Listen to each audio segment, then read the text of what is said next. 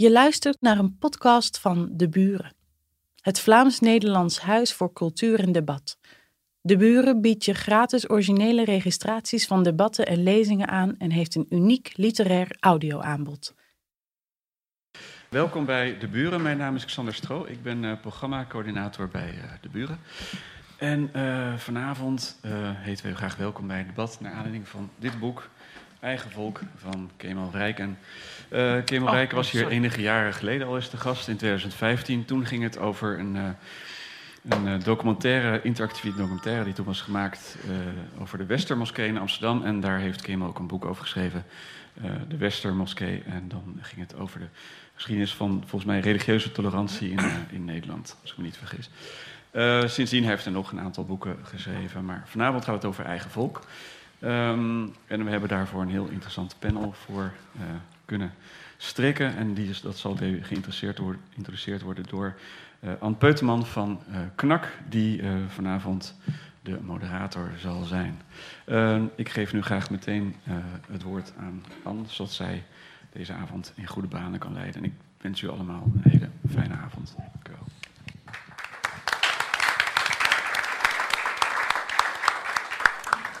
Uh, goedenavond allemaal. Ik ga beginnen met u even, voor zover dat nodig is, uh, met die projectie erboven het, mijn panel van vanavond voor te stellen. Meteen naast mij ziet u uh, Kemal Rijken, de auteur van dit boek. En dus ik ga niet te veel woorden nu besteden om jou te introduceren, want we gaan het de hele avond over uw boek hebben. Naast hem zien we politicoloog Karel de Vos van de Universiteit Gent, u ongetwijfeld wel bekend filosoof Tineke Beekman. U, u vindt daar, uh, mevrouw Beekman, u hebt ook al een aantal boeken op uw naam staan. U ziet dat allemaal daarboven. En dan helemaal links van mij, louter toevallig, nietwaar? Geerte Walling, helemaal uit Nederland. Uh, meneer Walling, u bent historicus verbonden aan de Universiteit Leiden. En misschien toch wel in, in verband van dit uh, hier vanavond belangrijk om even aan te duiden. U wordt vaak ook in de media, zeker in België, voorgesteld als een vriend van Thierry Baudet van het Forum van Democratie. Maar misschien is het belangrijk om aan te halen dat vriendschap nog geen lidmaatschap betekent. ik, ik ben uh, lid van, nog van Thierry Baudet zelf, nog van zijn partij. Ja, okay. Ja. Nu, aangezien wij hier vanavond op de eerste boekvoorstelling zitten, het is een primeur, heb ik begrepen, Nederland moet nog wachten tot zondag, ga ik ervan uit dat u het boek ook helemaal nog niet hebt gelezen. En daarom gaan we, voor we aan het debat beginnen, heel even het woord, of heel even, u krijgt wel tien minuten, het woord geven aan meneer Rijken, om, om eens uh, wat te vertellen over het boek. En u zou ook een stukje voorlezen om de mensen wat idee te geven. Dus ik nodig u graag even uit naar het spreekgestoelte. Dank je wel. Um, goedenavond allemaal, mijn naam is Kemal Rijk en ik kom net uit de file. uh, het Hellegat noemt men dat hè, in uh, België, Antwerpen. Onder andere, ja. Ja, en dan, er zijn vele namen voor Antwerpen, maar Hellegat is er één van. Maar voor, precies. Dus we beginnen luchtig, maar voordat ik wat ga zeggen hier over het boek. Uh, wij zijn uh, op een gegeven moment bij Antwerpen gekomen en ik heb zo'n mooie file-app en dan kun je allemaal zien uh, waar de files in België staan. Die zijn altijd lang. Die worden nog altijd op de radio mooi omgeroepen, maar met de app gaat het net even ietsje sneller. En uh, dan rij ik eraf bij Sint-Job in het Goor. En dan kom ik door Schoten. En dan kom je langs het Wouwersnestje. En dat is het huis van Marie-Roos Morel geweest. En daar woont Frank van Ecken nog van het Vlaams Belang. En die heb ik ook daar in dat Wouwersnestje geïnterviewd. Dus we zijn daar langs gereden en daar waren allemaal files. Want er was ook allemaal bestemmingsverkeer. En vervolgens reed ik langs Schoten en toen kwam ik ook langs de buurt waar naar het schijnt nu Tom van Grieken woont. Dus ik zei al tegen mijn vriendin, ja, die woont daar en die woont daar. En ja, dat, zo, zo reis je dus op een hele andere manier door België heen als dat je vroeger deed. Maar dat even terzijde. Um, ik heb gisteren met Anne uh, alvast wat besproken en het leek ons leuk om een stuk voor te lezen uit mijn boek over België, over het, het Vlaams Belang, toen nog Vlaams Blok. En ik zal daar uh, nu een stukje uit voordragen. Midden op de grote markt van Antwerpen voor het stadhuis staat het bronzen standbeeld van Silvius Brabo. Met zijn rechterarm slingert hij de Romeinse legionair de hand van de reus Droon Antigoon de lucht in. De andere, het krachtige beeld van deze lokale volksheld houdt de ontstaansmythe van Antwerpen in stand. In de Romeinse tijd zou de stad geterroriseerd zijn door Antigoon, die alle schippers die de Schelde wilden overvaren dwong om tol te betalen. Weigeraars moesten het bekopen met een afgehakte hand. Brabo pikte dat niet en vocht met de reus, die uiteindelijk tegen, het uiteindelijk tegen hem aflegde en werd ontdaan van zijn hand. De stad was bevrijd en ging een welvarende toekomst tegemoet. Het handwerpen zou verbasterd worden tot Antwerpen, zo vertelt het verhaal. De Scheldestad is in de zomer van 1980 getuige van een andere historische gebeurtenis. Op 21 juni rolt de zilvergrijze Mercedes van koning Boudewijn en koningin Fabiola langs het bronzen beeld van Bravo. Ter gelegenheid van het 150-jarig bestaan van het kleine België maakt het een paar ronden langs de maakt het paar ronden langs de steden in het hele land en vandaag is Antwerpen aan de beurt. Op de grote markt is een grote mensenmassa toegestroomd. Dit keer geen schoolkinderen met Belgische vlaggetjes, maar leden van de nationalistische koepelorganisatie Vlaanderen, ons vaderland. Hiertoe behoren onder meer de activisten van de nationalistische vereniging Voorpost, de extreemrechtse paramilitaire Vlaamse militantenorde, ofwel de VMO, en de nieuwe rechtsradicale partij Vlaams Blok. België barst, België barst, schreeuwen ze, terwijl oranje spandoeken met Republiek Vlaanderen en België is dood boven de menigte uitsteken. De activisten rammelen aan de hekken en schreeuwen tegen agenten. Iemand smijt een vuurwerkbommetje richting de Mercedes. Koningin Fabiola schrikt en haar echtgenoot verkrampt. Vanuit de gemenigte springt een jonge man in een vlaggenmas. Hij klimt naar boven, rukt de Belgische driekleur eraf en gooit hem naar beneden. Luid gejuich valt hem ten deel. Mensen grijpen de vlag en vertrappen hem op de kasseien. Intussen stopt de bolide voor de ingang van het Antwerpse stadhuis. Fabiola slingert het portier open, stapt gehaast uit en de straffe wind krijgt geen vat op haar stevig getoupeerde bolle kapsel. Ook Boudewijn beent weg en het klinkt nog steeds België barst, België barst. Rotjes ontploffen en rookbommen verspreiden flarde dikke mist. De demonstranten gooien dranghekken omver, halen nog een vlaggenmast neer en komen op de mobiele eenheid uit, die hen weet tegen te houden. Een glimlachende Boudewijn draait zich nog even om en zwaait naar de menigte, tevergeefs. Maar een fluitconcert valt hem ten deel. Hij schudt de hand van de burgemeester Mathilde Schrooyens van de Belgische Socialistische Partij, de BSP, en treedt het stadhuis binnen. Zodra het gezelschap binnen is, proberen de actievoerders door de afzettingen te breken. Tientallen agenten komen in actie en slaan met knuppels op de massa in. Eerste arrestaties volgen. Nou, dan verderop dan omschrijf ik eigenlijk helemaal hoe eigenlijk die, ja, hoe zeg je dat, um, die, die menigte probeert dat koningspaar te, ja, weg te jagen uit de stad. En dat lukt ze ook, want op een gegeven moment is er dan binnen in het Antwerpse stadhuis is er een receptie geweest. En dan komt het koningspaar naar buiten. En dan worden ze eigenlijk door die menigte min of meer half achterna gezeten. En uiteindelijk eindigt dat bij de Schelde, waar ze een, een vlootschouw af moeten nemen, maar dat lukt dan niet. En vervolgens is alles, ja, hebben ze alles voor elkaar gekregen, die demonstranten. En een van de demonstranten die het, demonstreerde, uh, die het organiseerde was Philippe de Winter. U allen wel bekend. Hij was toen een jaar of 17. En een paar jaar later brengt de koning opnieuw een officieel bezoek aan Antwerpen. Hoewel het deze keer wel rustig blijft, demonstreert de student de winter opnieuw langs de route. Boudewijn ziet hem en, en schiet uit zijn gevolg van veiligheidsmensen. Hij geeft hem een hand en vraagt: Waarom doet u dit? En de winter antwoordt: Omdat ik Vlaming ben. De koning knikt en loopt terug. De winter is heilig overtuigd van zijn missie onafhankelijkheid voor Vlaanderen. Dus ja.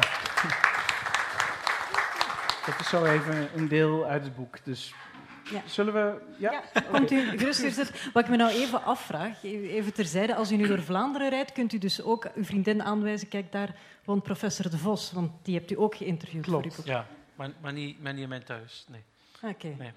Op restaurant in Kortrijk. Ja. ja. Italiaans was dat ja, niet? Ja, ik heb nou, dan weten we dat ook weer. Ja. Uh, ik heb betaald. Ja. Dames en heren, ik...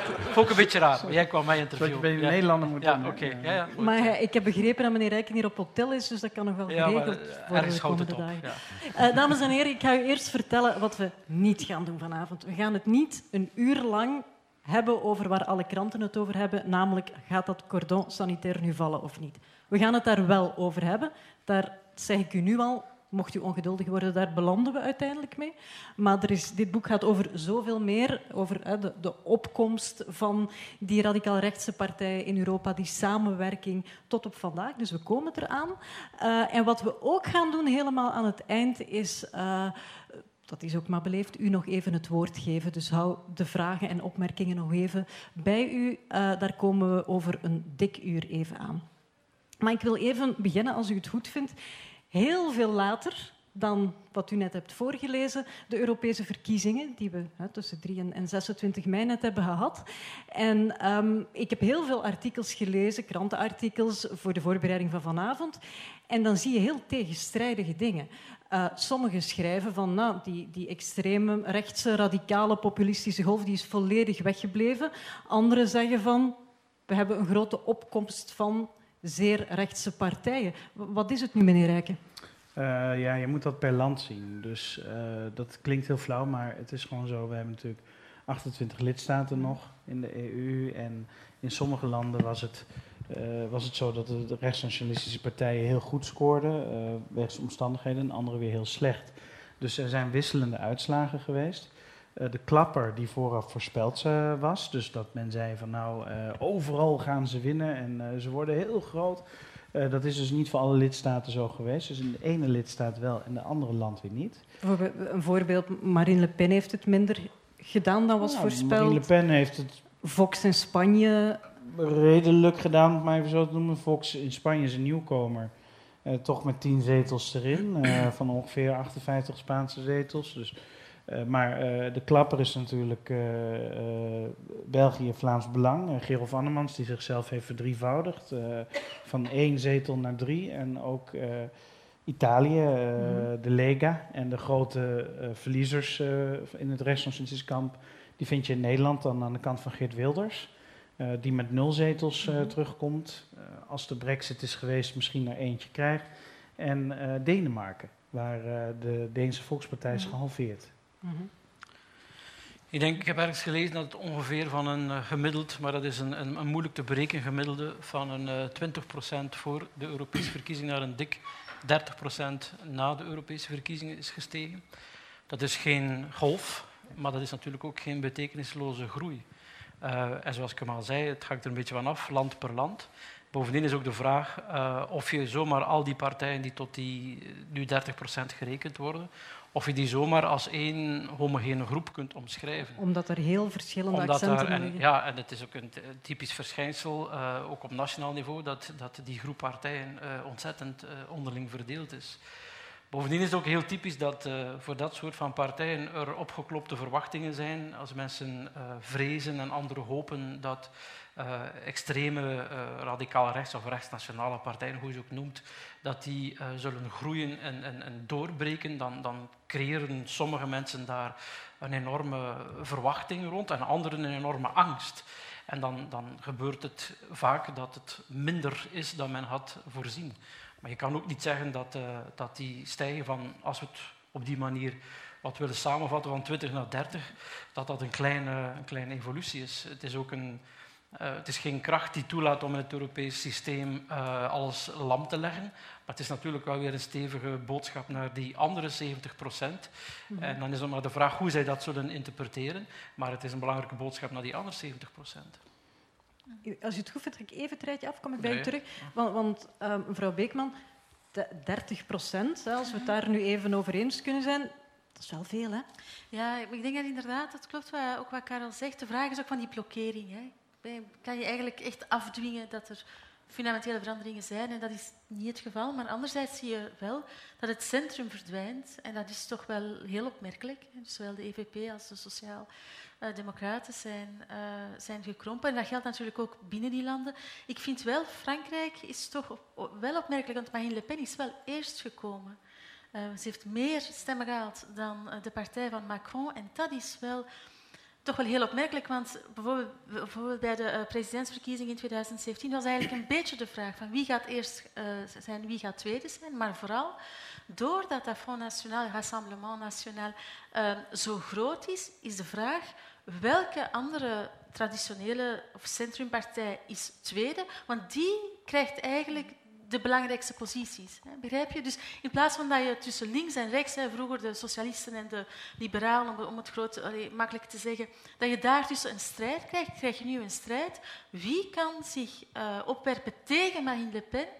Dat is dan Macron gebleken. En eigenlijk heeft hij de andere partijen, de socialisten en de voormalige uh, Les Républicains, heeft hij die eigenlijk helemaal in de vernieling gereden. En dat is toch wel een hele grote politieke verandering met betrekking tot 10, 20 jaar geleden. Dus ik zou uh, daar toch gematigd optimistisch over zijn, uh, over de, de, resultaten die er zijn. Jawel. Uh, ja, ik, ik, moet eerst even een compliment maken aan, aan Kim al voor in zijn boek dat hij de term rechtsnationalistische partijen hanteert. Dat is eigenlijk de term die het meeste gebruikt. Ik zou zelfs willen voorstellen, dat kan nog iets beter in mijn ogen door het alleen maar over nationalistische partijen te hebben. Omdat dat volgens mij de, de, hè, de onderscheiding is die je ziet tussen de partijen die uh, nou ja, misschien cosmopolitisch zijn of anderszins niet zo sterk op het nationale gefocust zijn. En die ja, nationalistische bewegingen die soms best ook links kunnen zijn in sommige opzichten en dan weer rechts in andere. Dat heeft ons nu al twintig jaar gekost om daar enig vat op te krijgen. Wat het nou precies, hè, of we nou het PVV als rechts of als links moeten zien in Nederland. Um, en vanuit dat opzicht kan ik me ook best wel voorstellen dat bij de Europese uh, parlementsverkiezingen dat daar ja, nou, dat het dan niet de beste graadmeter is om uh, de staat van deze partijen en de toekomst van deze partijen aan af te lezen in Europa. Um, want bijvoorbeeld in, in Groot-Brittannië, waar de brexit heel erg speelt, waar veel onvrede is over bijvoorbeeld de hoge eisen die worden gesteld aan, uh, in hun ogen van, uh, aan het vertrek van het Verenigd Koninkrijk, daar doet Nigel Farage het heel goed met die brexit-partij, is heel sterk. maar in Nederland zie je juist dat het onverwacht lage opkomst is voor mensen die FVD of eh, PVV wilden gaan stemmen, of zouden stemmen, of hebben gestemd bij de vorige verkiezingen, uh, de provinciale statenverkiezingen twee maanden daarvoor. En die blijven dan thuis omdat ze denken, ja, wat moet ik met het Europese parlement? Of ze denken, we willen juist vanuit het nationalistisch perspectief iets krachtigs voor Nederland. en dan moeten we misschien maar op Frans Timmermans stemmen, want dat schijnt dan onze grote man in Europa te worden. Dat, heeft, dat beeld heeft Timmermans vooral zelf naar voren gebracht. Um, dus daar zijn dan verrassend veel stemmen naartoe gegaan. Uh, dus vandaar dat ik even mijn punt wilde maken van dat uh, we, niet ons blind moeten staren op één verkiezing, of misschien zelfs niet op twee of drie, uh, voor die grotere lijn. En een klein puntje daarna, want je zegt ligt optimistisch. Um, maar dat, volgens mij is het niet een kwestie van. Ik ben eigenlijk best wel optimistisch over het bestaan van deze partijen, omdat volgens mij een volksvertegenwoordiging pas echt sterk is als de verschillende op, opinies onder de bevolking goed worden vertegenwoordigd. En dan kun je het niet mee, mee eens zijn, maar wij hebben in Nederland ook een partij Denk. Dat is een beetje een partij zoals, uh, ik, ik geloof, Diab Abu Jaja hier bij jullie wilde, uh, wilde oprichten, maar dat niet helemaal gelukt is. Um, maar wat in, Nederland vrij succesvol lijkt te zijn, althans, ze hebben drie zetels in de Tweede Kamer. Een, je zou kunnen zeggen, Turks-Marokkaans nationalistische partij. Um, maar die heeft um, allerlei standpunten waar mensen heel erg boos over zijn. en die lijnrecht ook ingaan tegen Nederlandse belangen en dergelijke. Maar toch denk ik dat het een, een winst is dat die partij dat door die partij uh, die stemmen in onze samenleving zijn vertegenwoordigd in het parlement. En dat lijkt mij uh, wat dat betreft dus ook, zou ik willen oproepen om zo min mogelijk in morele of in uh, um, um, kwalificerende termen over die partijen te praten. Gewoon meer analytisch te kijken van, leveren ze wat ze beloven? waar komen de mensen vandaan die op ze stemmen? Um, en voegen ze iets toe? Of, of, of zijn ze inderdaad ondermijnend voor de rechtsstaat? Maar dat zie ik heel weinig. Maar, en dus om terug te keren op uw eerste punt, heel voorzichtig zijn met, met grote conclusies te gaan verbinden aan Europese verkiezingen. Dat sowieso, ja. Meneer Rijk, u wou daarop reageren? Ik ben het kwijt wat ik wilde zeggen. Oh. Zo, nou, dan gaan we, dan gaan we dus gewoon... we kunnen ja. naar volgende. Dan, dan, maar, allee, dat, dat, is in, in veel landen zijn uh, Europese verkiezingen echt wat men second order elections noemt. Mm. Maar niet overal. Uh, in landen waar er alleen maar Europese verkiezingen waren, waar er een zekere inzet was, uh, waar er ook gemobiliseerd werd, uh, bijvoorbeeld in Frankrijk, waren dat geen tweederangsverkiezingen. Dat waren belangrijke verkiezingen.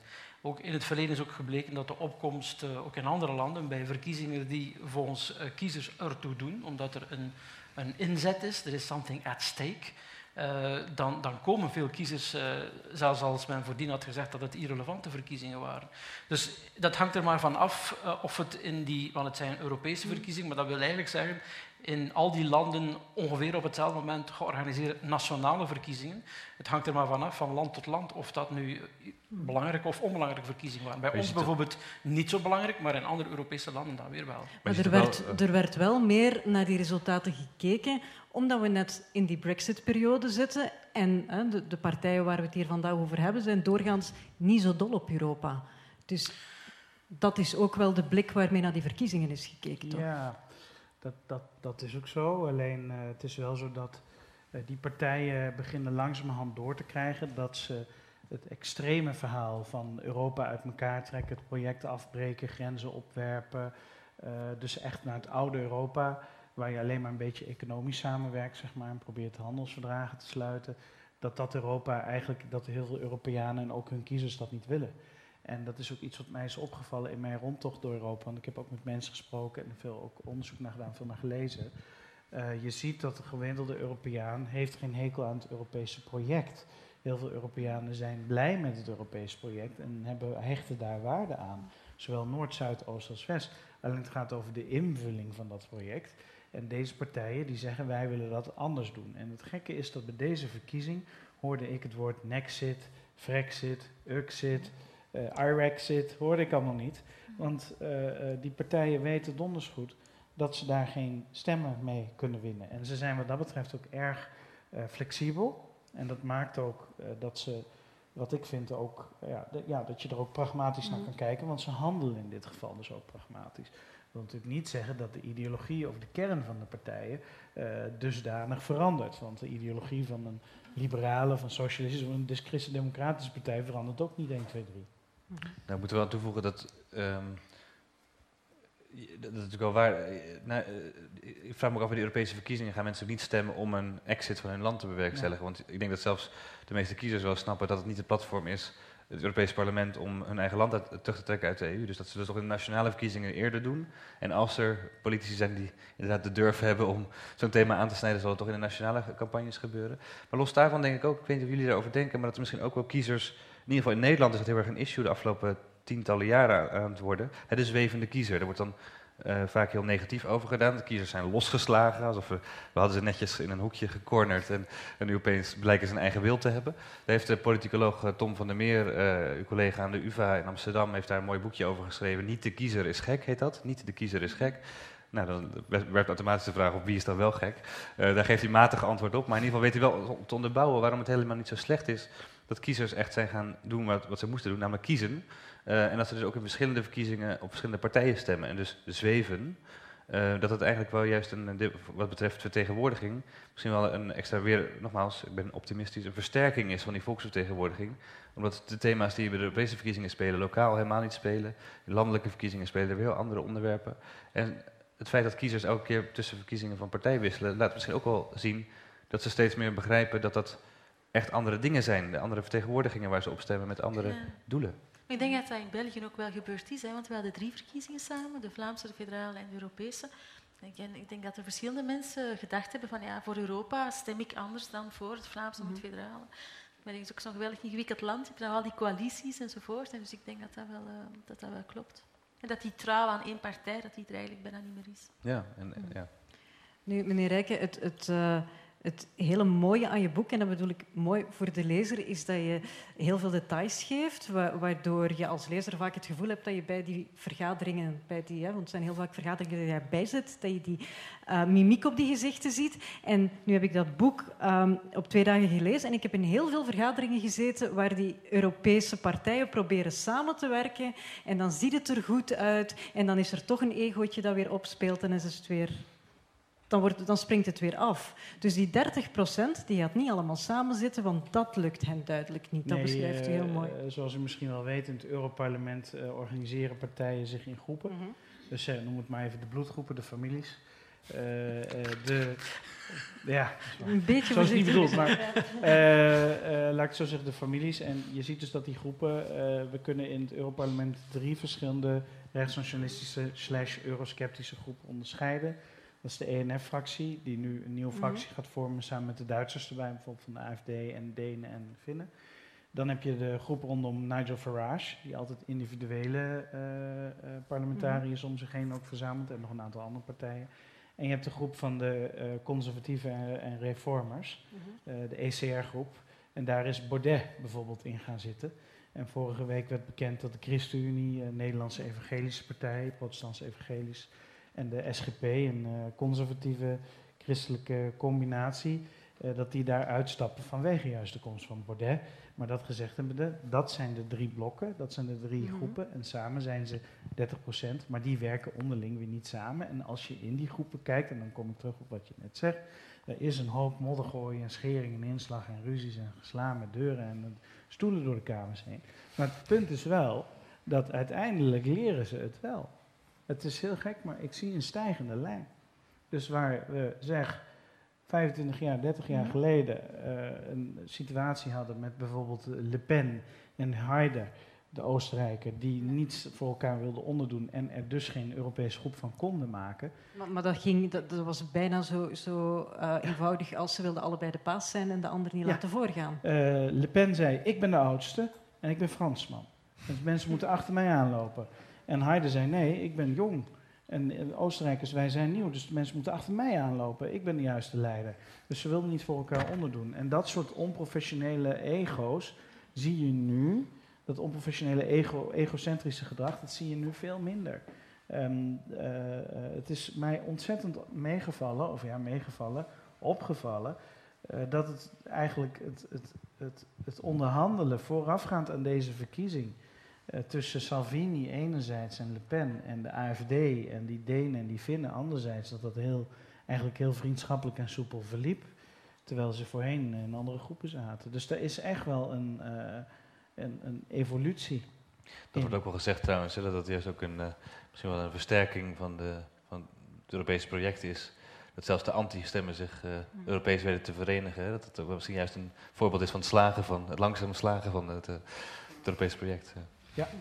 Maar het lijkt me ook nogal evident dat die, eh, dat die leren uit ervaring, dat die eh, ook professioneler worden. Je ziet het ook in de samenstelling van, van het politiek personeel.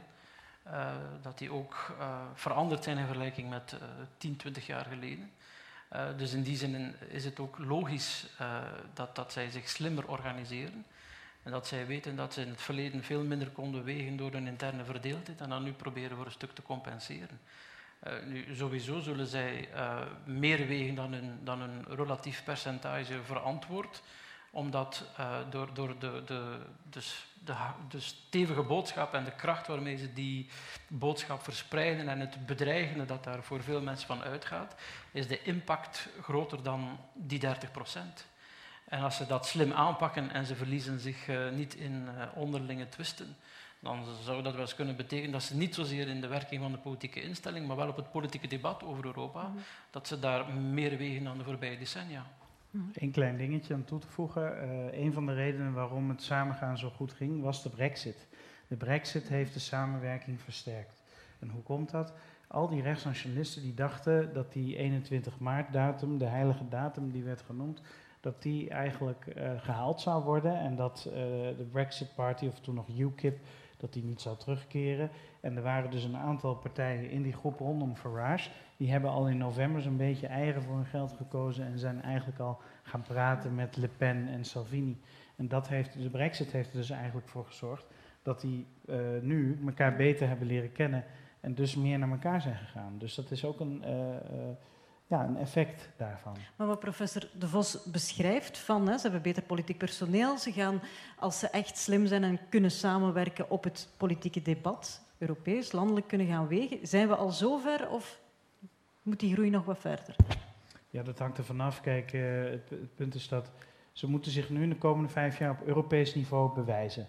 Die groep die moet gaan lopen. Nou, er is al veel ervaring, afgelopen vijf jaar opgedaan met die ene groep van Salvini. Nou, die breidt zich nu een beetje uit. Dan heb je die twee andere groepen daarnaast. En ja, dan zul je ook weer zien dat nationale politiek, dat die heel veel invloed heeft eh, en ook kan hebben op die Europese groepen. Eh, een goed voorbeeld is nu Oostenrijk, eh, waar een crisis is ontstaan door dat Ibiza-schandaal. nou, dan zie je dus dat heeft meteen op de verkiezingsuitslag in Oostenrijk heeft dat effect, maar ook in Duitsland. Waar de AFD het veel minder goed heeft gedaan dan verwacht, onder andere daardoor. Maar in, in, als we het hebben over die Ibiza-gate, de man is wel verkozen nu in het Europees Parlement, als ik Ja. het hoor. Hij heeft van stemmers voorkeurstemmen gekregen, eh, omdat hij in de media een, eh, ja, zeg maar de, de, de Calimero-kaart speelde. En zei van, eh, ik ben slachtoffer. En hij nam de slachtofferrol aan en er waren Werkt mensen... altijd. Ja, er waren mensen die waren sy- sympathiek daar tegenover. Dat werkt altijd, professor. Werkt zeer vaak, ja. Maar ik vind allee, hoe ehm, relevant dit onderdeel van het ge- gesprek ook is. eh, Wat voor, mij nog relevanter is, wat, wat zit achter die 20 of 30 procent? Wat, wat is de betekenis Mhm. daarvan? Wat, wat is het signaal? En daarmee suggereer ik geen dat ik het antwoord op al die vragen heb. Maar wat heeft men eigenlijk willen zeggen? Maar dan is de vraag toch heel erg van, hè, we hebben het hier daarnet, eh, meneer Walling zei ook, van het is heel moeilijk om die allemaal eh, onder één koepel te gaan Ja, steken. precies, dat moeten we zeker niet doen. De vraag is, is, dit, is er één signaal te ontwaren? Nee. Of zijn het allemaal aparte nationale signalen? Daarom denk ik niet per se allemaal aparte nationale, maar ik denk dat er, eh, zoals ook voor, voor christdemocratische of liberale of socialistische of groene partijen, eh kiezers om verschillende redenen voor die enezelfde partij, en ik sluit zelfs niet uit tegenstrijdige redenen voor diezelfde partij stemmen, zal dat in het geval van die partijen dus niet anders zijn. Misschien zijn er mensen die net omwille van dat soevereiniteitsverlies eh, ja, op die manier hebben willen zeggen, kijk, dat Europees project, dat, dat, dat supranationalisme, dat schiet door. Andere mensen zullen misschien, want dit waren de eerste Europese verkiezingen na de grootste migratiecrisis sinds de Tweede Wereldoorlog. Misschien zullen mensen, en dat, dat heeft Europa eh, slecht aangepakt, ook veel te laat aangepakt. Misschien vinden mensen dat eh, dat, dat een, een hoofdonderwerp moet, moet zijn. Anderen zullen dat weer misschien om andere redenen. Dus ik, je, kan het niet doen, je kan het ook niet in de nationale verkiezing doen. Het is nu schering en inslag eh, dat men het resultaat duidt. eh, ingewande lezers die overal menen te, te weten wat al die miljoenen mensen eh, hebben bedoeld met die stem. Terwijl er geen enkel fatsoenlijk postelectoraal onderzoek eh, beschikbaar is. Dus we moeten daar extreem bescheiden in zijn. Eigenlijk weten we het niet. Wat we wel weten is uit eerdere verkiezingen, uit eerder onderzoek, waar ook stemgedrag van eh rechts, eh, of nationalistische partijen is bestudeerd, hebben we een idee, hebben we een vermoeden wat er wellicht in zat. Maar, maar we moeten daar nog even mee wachten, uh, vooraleer we dat wetenschappelijk kunnen duiden. Dat de politiek daar nu al een interpretatie aan geeft en daarmee aan de slag gaat. Politici zijn geen academici, dat is natuurlijk begrijpelijk. Maar het zal veel meer dan één simpele boodschap zijn. Dus iedereen die nu oproept om te luisteren naar het signaal van de mens, heeft eigenlijk geen idee wat de mensen Maar die, bedoelen. die, die, wie dat zegt, projecteert zijn eigen analyse in het zogenaamde signaal. Hè. Je- moet alleen maar naar de nationale verkiezingen. eh, wat hebben de mensen beslist op 26 mei? Ja, als je weet wie de analyse maakt, weet je ongeveer wat die kiezer volgens hem gezegd heeft. Dus, eh, Dus u wil op zoek gaan naar eh, de, de, de reden, maar u zegt eigenlijk moeten we terugkomen over een half jaar als de... Wel, het is natuurlijk het comfort van, van, van, van een wetenschapper, maar als je daarmee aan de slag gaat en op eh, Europees niveau loopt het allemaal trager, er zit geen regeringsvorming achter. Als je natuurlijk op regionaal en nationaal niveau moet doen, kan je de luxe niet permitteren. Stel je voor dat ze zeggen, we wachten op de eerste wetenschappelijke studie vooraleer het formatieproces eh, op gang komt. Dat is ergens in oktober 2021 dat we dat verwachten. Ehm, maar, dus dat begrijp ik wel, maar... ehm, Om, de- om de- deze reden ben ik historicus geworden, geen politicoloog. Dan heb wat meer tijd om dingen te begrijpen. Uh, maar je moet dat op een of andere manier moet je daarmee. Je praat met die partijen. Er zijn de voorbije 30 jaar al heel veel. De eerste Zwarte Zondag, zo die bij ons genoemd, dateert van 1988. Er is behoorlijk wat materiaal beschikbaar over wat er hoogstwaarschijnlijk uh, het probleem is, of een van de problemen zou kunnen zijn. Ik denk dat heel veel partijen ook wel weten wat er uh, moet gebeuren om daar een antwoord uh, aan te bieden. Um, daar hoef je helemaal geen uh, heel groot onderzoek voor uh, uitvoeren. Maar je bent natuurlijk niet helemaal zeker dat de, finesse van je beleid overeenkomt met de finesse van wat die kiezer daar precies mee bedoeld hebben. En ik ben het helemaal eens dat, dat allee, we moeten proberen dat uh, die verontwaardiging mag er, hè, zoals die er ook over andere partijen mag zijn. Maar we moeten proberen dat zo analytisch en sober mogelijk te benaderen om goed te begrijpen wat er aan de hand is. Mevrouw Beekman, durft u zich toch wagen aan een kleine inschatting van wat hier gebeurd is? Welk signaal de mensen hebben willen geven? Nee, maar wat natuurlijk wel opvalt is dat uh, rechtse partijen veel thema's hebben gecapteerd die vroeger ook bij links zaten, zoals soevereiniteit, volkssoevereiniteit, de idee dat politieke macht gelegitimeerd is op het feit dat iedereen een stem heeft en kan deelnemen, is eigenlijk historisch gezien een links idee vanuit de verlichting, uh, maar is eigenlijk helemaal gecapteerd door rechts. En ik denk dat de combinatie van die volkssoevereiniteit, van je hebt zeggenschap over je lot, met uh, toch wel ook linkse voorstellen op sociaal-economisch vlak, dat is echt wel heel opmerkelijk. En ik denk dat dat ook teruggaat op een langere uh, termijn. Dat gaat denk ik terug op de, de financiële crisis van 2008, hè, die eigenlijk, waaruit gebleken is dat die idee van vooruitgang en de volgende generaties zullen het per definitie beter hebben, dat dat toch iets heel wankel is. Je hebt echt ook wel uh, een soort ja, middenklasse die, die kleiner wordt uh, en die verliest. En dat, denk ik, hebben rechtse partijen goed gecapteerd en ook verbonden aan een verzet tegen die Europese Unie. En uh, een van de problemen van de Europese Unie vanuit politiek-filosofisch standpunt, dus dat heeft niet zoveel te maken met de vorige verkiezingen, is natuurlijk wel dat oppositie tegen een aantal fundamentele stellingen en vooral de economische stellingen en de economische missie van die Europese Unie eigenlijk heel moeilijk is. Het is eigenlijk sinds het verdrag van Lissabon, is het idee over vrijhandel enzovoort, gebeiteld in de structuur. Echt een soort van grondwet geworden. En het gevolg daarvan is dat uh, in plaats van dat je oppositie kan voeren tegen een bepaald beleid, is het eigenlijk, denk ik, voor velen een oppositie geworden precies tegen deze vorm van Europese Unie. En dat heeft, denk ik, de inzet van het hele debat rond die Europese Unie de afgelopen jaren heel erg veranderd.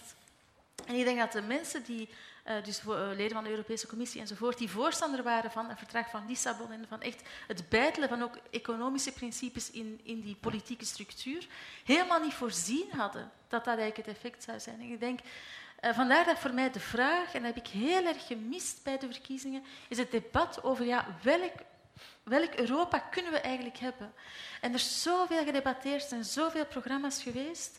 Maar er is heel weinig gesprek geweest, ook bij de politieke partijen, over de hervormingen aan die Europese instellingen, aan die Europese Unie zoals ze nu is, die zij zouden voorstaan. En dat is, dat is echt het meest fundamentele. Dat is eigenlijk denk ik, belangrijker dan wie juist lijsttrekker is of, of, die, of, die, of, of veel van de debatten die er eigenlijk uh, uh, gevoerd zijn. Want dat is denk ik waar de mensen, en daar sluit ik me helemaal aan bij wat uh, Kemal zei, mensen zijn inderdaad wel voor Europa en beseffen dat die natiestaten dat die ook wel hun limieten hebben, dat veel thema's op een breder niveau moeten worden opgelost. Maar de vraag is dan, ja, wat moet er precies veranderen aan die Europese Unie om mensen het gevoel te hebben dat die toch terug aansluit bij iets democratisch of toch een soort van soevereiniteit geeft? Of, of toch in elk geval dat je uh, je kan verzetten tegen een aantal fundamentele aspecten zonder dat je daarom die hele Unie in vraag stelt. En daar, denk ik, daar voel ik een enorm tekort eigenlijk in het debat, ook bij de politici.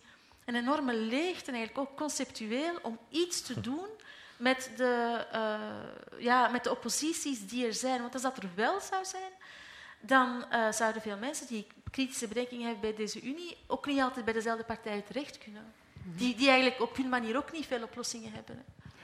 Nee, we zien in Nederland bijvoorbeeld ook uh, bij verkiezingen op ander niveau, of dat nou gemeentelijk, provinciaal is en ook Europees, dan hebben de landelijke leiders, die nemen ineens het voortouw.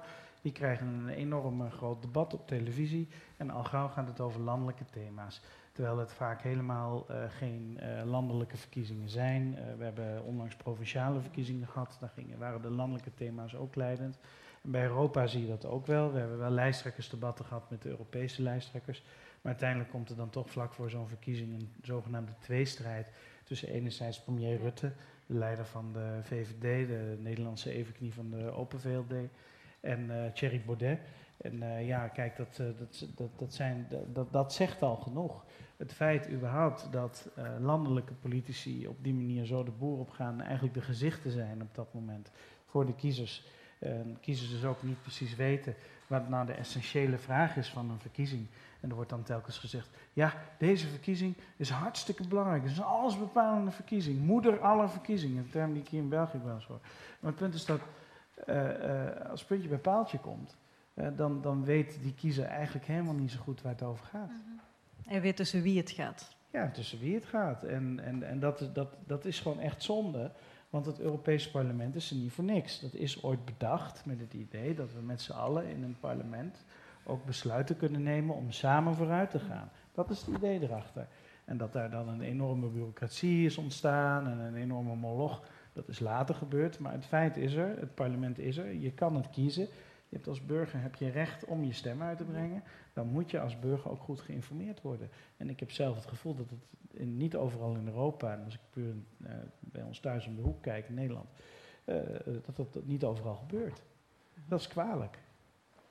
Ik moet zeggen dat de kwaliteit van het uh, slotdebat tussen Rutte en Baudet, wat inderdaad qua vorm niet de schoonheidsprijs verdiende, qua inhoud dan weer, weer verrassend uh, diepgaand was en interessant was. Het is echt een boeiend debat om naar te kijken. Eindelijk weer eens een keer een debat tussen twee mensen, juist misschien wel omdat ze allebei aan de rechterflank zaten, des te interessanter. Omdat het niet de hele tijd alleen maar tegen elkaar ingaan was, maar echt elkaars nieren proeven. Ik zou zeggen, dat is juist een voorbeeld om het dan weer beter te doen. Nou ja, ik vind dat, je hebt daar een punt, maar aan de andere kant is het voor mensen zoals jij en ik spielerij om dat te zien natuurlijk. Twee rechtse politici tegen elkaar aan gaan, de tweestrijd, et cetera, die ze op die manier uitproberen. In Nederland zien we vaak een tweestrijd tussen linkse politicus en een rechtse, zodat er echt duidelijk een, uh, een kleurverschil is. Uh, dat was in dit geval niet het geval, maar dan nog blijf ik zeggen, het zijn Europese verkiezingen. Wat doen landelijke lijsttrekkers op zo'n podium Tuurlijk, ja. op zo'n moment? Maar ik begrijp wel wat je zegt. Oké. Ja. Als jullie het goed vinden, wil ik het even over linkse partijen hebben. Want als je een boek schrijft over rechtsnationalistische partijen, ja, dan moet je het ook over al die andere daar rond hebben. En uh, wat ik nu ook mooi vind, is meestal, je hoort de laatste weken, professor De Vos zal dat beamen, heel veel mensen zeggen van ik, ik wist dat, ik had dat voorspeld. Maar u hebt dat gewoon in een boek geschreven. U hebt gewoon de, de opkomst, de remonte van de Deense Sociaaldemocraten in een vuistdik boek geschreven. Daar kan niemand aan voorbij. U zag dit duidelijk uh, aankomen. En nu hoor ik overal van, ah, we hebben het recept. De Sociaaldemocraten kunnen het uh, gewoon even kijken naar Mette Fredriksson. Ik zal het even ontleden zonder hier een heel college over te moeten houden. Maar als eerste, ik, zag, ik, ik, was ook met Denemarken bezig in de afgelopen 2,5 jaar dat ik het boek maakte. Ik heb negen landen onderzocht, waaronder dus Denemarken. En in Denemarken zag ik iets heel bijzonders. Namelijk dat de Sociaaldemocraten zijn uitgegaan van het feit dat onder de bevolking, onder de Deense bevolking, zeg 60, 70 procent van de mensen daar een consensus is over het feit dat migratie, dat daar bepaalde limieten aan zijn, maar bovenal dat je de buitengrens van de Europese Unie moet beschermen en dat je selectief moet, moet omgaan met migratie. Nou, en vanuit dat uitgangspunt zijn die Sociaaldemocraten vertrokken en hebben ze vier jaar lang hebben ze met, met elkaar om de tafel gezeten als partij om een plan uit te bedenken voor een humane vorm van migratie. Een sociaal-democratische vorm van gereguleerde migratie. Een behoorlijk strenge. Streng, maar uh, humaan. -hmm. En dat blijf ik altijd zeggen, want men denkt, oh, ze hebben die rechtsnationalisten gekopieerd, die re extreem rechts, en nu zijn ze ook zo. Nee, dat is niet het geval. Uh, zonder daar al te diep op in te gaan. Maar waar het op neerkomt is, zij hebben dus een sociaal antwoord gevonden op die consensus, een eigen antwoord. En een deel van de Deense kiezers heeft dat gezien. En daardoor hebben ze uiteindelijk de verkiezingen kunnen winnen. Niet heel uitgebreid, zeg maar niet, het, was, het was een krappe winst. Uh, bepaalde kiezers zijn vertrokken, nieuwe kiezers zijn gekomen, waardoor het aantal zetels praktisch gelijk gebleven is. Maar feit is dat ze, zoals de VVD in Nederland ook doet, die kijkt die partij kijkt waar is consensus over, op welk onderwerp. Oh, dat vinden heel veel mensen oké. Okay. En dan gaan wij ons eigen plan daarover maken met een eigen sausje eroverheen. En dat vind ik, moet ik zeggen, dat is voor links is dat heel erg nieuw. Want in Europa zien we dat nergens op die manier. En al helemaal niet van een Sociaal-Democratische Partij. En kan dat? Hè? Want we weten dat je niet zomaar dingen kunt overplanten. Maar ik las, want ik heb helemaal, dames en heren, nog geen reclame gemaakt voor mijn blad vandaag. Dus ik las in Knak, in een, uh, was ik even vergeten, in een interview met u, dat u zei van dat uh, SPA-voorzitter John Crombie u al heeft uitgenodigd. Dat nee, u daarover nee, gaat. dat is een misverstand. Ah. Uh, ik heb, oh nee, nee, nee. Fake news. Ik zit hier journalist in de zaal mee, hè? Nee, ja. uh, dat is een misverstand. Uh, ik heb gezegd, John Crombie zou ja. daar ook naar kunnen kijken. Oh, u heeft en... zichzelf uitgenodigd? Wat? Heeft u ja. zelf? Nee, nee, nee, nee, nee, nee. nee dat, dat, heb ik wel bij jou gedaan. Maar die, nee, maar het, het is, uh, ik heb gezegd, John Crombie zou daarnaar kunnen kijken. En er is toevallig een medewerker van het Wetenschappelijk Instituut geweest... die oh, heeft gevraagd, we willen graag een lunchlezing van u... over deze rechtsnationalistische beweging en wat er in Denemarken is gebeurd. Dus dat is eigenlijk... Dus er is wel interesse voor... Er is interesse maar nog niet aan de top. En zo, gaat u zo, nu... zo belangrijk ben ik niet. Maar u weet niet wie er allemaal in de zaal zit, dat weet je nooit. Ah, er um, zitten leden van de top in de zaal. maar gaat u, gaat u daar nu de, de SPA aanraden van... Ah, doe maar wat mevrouw Frederiksen doet? Nee. Ik, uh, ik ga de SPA gewoon vertellen wat er is gebeurd. Dus ik zal ze uiteenzetten hoe die, uh, die zusterpartij van hun dat heeft gedaan. Zodat ze inzicht krijgen in wat er nou precies is gebeurd. En niet het misverstand dat ze dus net zijn geworden als extreem rechts of rechtssocialisten. Dat niet. En voor de rest heb ik zoiets van, ja, uh, dit is wat zij hebben gedaan. Maar ik vind dat de SPA heeft een A, een hele andere DNA dan de Deense Sociaaldemocraten, een andere geschiedenis. En uh, Vlaanderen en België is een andere maatschappij, met andere noden op het gebied van migratie. Bijvoorbeeld het, het probleem met de transmigranten hier in Brussel-Noord, wat het Noordstation heel lang heeft gespeeld, dat uh, hebben ze in Denemarken niet. Dus er zijn weer andere oplossingen nodig op dat gebied en dat moet de SPA zelf doen. En dat idee, professor Vos, hoe kijkt u daarna? Want, want dat is een idee dat vaak wordt geopperd, ook binnen die socialistische partijen wordt vaak geopperd, we moeten zelf een strikter migratieplan gaan opzetten. Um, dat is uh, compleet overbodig, uh, omdat die partij al een strikt uh, migratieplan heeft. SPA heeft een, een, vrij scherpe visie op migratie. Um, je zou in zekere zin kunnen zeggen dat het algemeen consensusbeleid rond migratie in België het product is van, van een aantal socialisten, Louis Tobak en Johan van der Lot, om ze niet te noemen, eh, die lang geleden uh, als eerste bevoegden daar de, de, de grondstroom van het migratiebeleid in België hebben uitgeschreven. En dat is sindsdien niet fundamenteel geamendeerd, ook niet onder Theo Franken. Het probleem alleen is dat die partij, die daar wel, als je dat leest op, op, op websites, als je daar sommige uh, socialisten over hoort, dan hebben die daar een, een, een visie over. Alleen uh, durven velen binnen de partij dat niet langer verkondigen. Uh, denk maar eens aan, uh, aan, het interview van John Crombie toen hij het woord pushback uh, liet vallen. De dag erop was het partijbureau gemobiliseerd en stonden alle alte kameraden aan de ingang te wachten om geïnterviewd te worden door VTM en VRT om een licht te laten schijnen over de foute woorden van de John. Um, dus dat, dat, ligt, dat ligt gewoon zeer moeilijk, omdat die partij ook voor een stuk intern verdeeld is tussen verschillende strekkingen die eh, op een andere manier naar bijvoorbeeld de rol van de islam in onze samenleving kijken, uh, die dat strikte migratiebeleid uh, terecht vinden. Ander vindt dan weer eigen aan een socialistische visie die altijd is uitgegaan van, van rechten en plichten, van bijdrage leveren en dan ook alleen als je dat doet kunnen rekenen op een vorm van solidariteit. Dus ik denk dat de socialistische partij niets moet uitvinden, ze moet alleen durven eh, consequent en ook gedragen in de partij vertellen wat die socialisten al heel lang geleden en misschien zelfs ook als eerste hebben uitgedacht. Het staat allemaal te vinden in, in allerlei resoluties en op allerlei websites van de partij. Maar ze hebben schrik van hun eigen schaduw. Mag ik daar wat over vragen? Waar, waarom hebben uh, uh, mensen als Kitier en Crombé uh, met deze federale verkiezing en Vlaamse verkiezing dan niet die migratiekaart gespeeld? Als zij die sociale, humane migratiekaart eigenlijk al in huis hebben. Want de, de, de, zelfs ik weet het niet. En Wel, dat, dat, is een van de hoofdredenen, omdat uh, als je dat nu zou zeggen en doen, iedereen zou denken van SPA loopt, uh, loopt NVA achterna. Ze zijn zo uh, reddeloos verloren dat ze nu plotseling de, het programma van de partij NVA overnemen. Toen op een bepaald moment Johan van Lot zei, misschien had hij het iets diplomatischer kunnen formuleren, een interview dat hij Theo Franken best wel oké okay was en eigenlijk op migratie deed. En eh, de stijl en de communicatie buiten beschouwing gelaten. Maar als je puur kijkt naar het beleid, dat dat eigenlijk wat, wat, wat dat betreft niet zo vreselijk was. Integendeel, ja, toen kreeg hij en ook de partij op dat moment iedereen over zich heen. En dus ik kan heel goed begrijpen dat je dan in een campagne waar, men, waar je nog de kiezer moet, moet laten wennen aan het feit dat je dat eigenlijk al heel lang zegt. Ja, je laat een kiezer niet wennen aan een nieuw idee in een campagne. Uh, en dus dat, dat, zou, dat zou dat de hele tijd over de bocht van SPA gaan.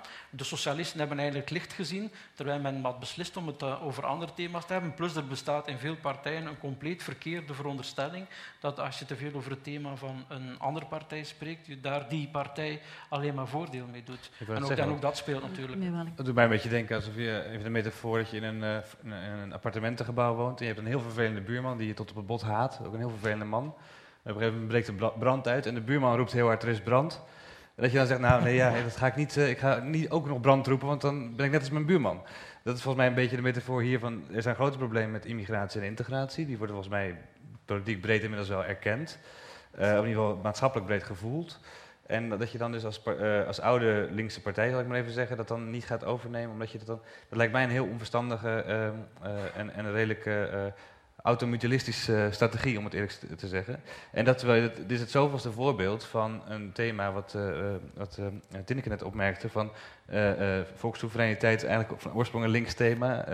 dat zou je van nationalisme ook kunnen zeggen. Dat was in de tijd... van de verlichting. 1848 ook nog een, een, een, een, rond 1848, waar ik een proefschrift over heb geschreven, ook nog een heel links onderwerp, revolutionair onderwerp. en ook dit soort thema's over het opkomen voor de, de bijvoorbeeld uh, vrijheid van meningsuiting, uh, die door de islam onder druk staat, of uh, gelijke rechten van mannen en vrouwen, het absoluut pal staan voor de rechten van vrouwen om gelijkwaardige burgers te zijn in de samenleving. Het zijn allemaal linkse thema's en die zijn allemaal alleen nog, die zijn niet door rechts gekaapt, die zijn door links verlaten. En dat is volgens mij het grote probleem. Ik denk dat het belangrijk is voor de sociaal-democraten dat, dat ze denk ik ook vanuit hun eigen politieke denken naar zo'n thema's kijken. En niet alleen vanuit de partijpolitiek of vanuit het electorale. En uh, recent heeft er een Franse filosoof een grote sympathie voor de sociaaldemocratie, Marcel Gauchet, echt een fantastisch boek geschreven over uh, Robespierre, de man van de Franse revolutie. Volgens sommigen heeft hij de revolutie gered, volgens anderen is door Robespierre als geëindigd in uh, terreur.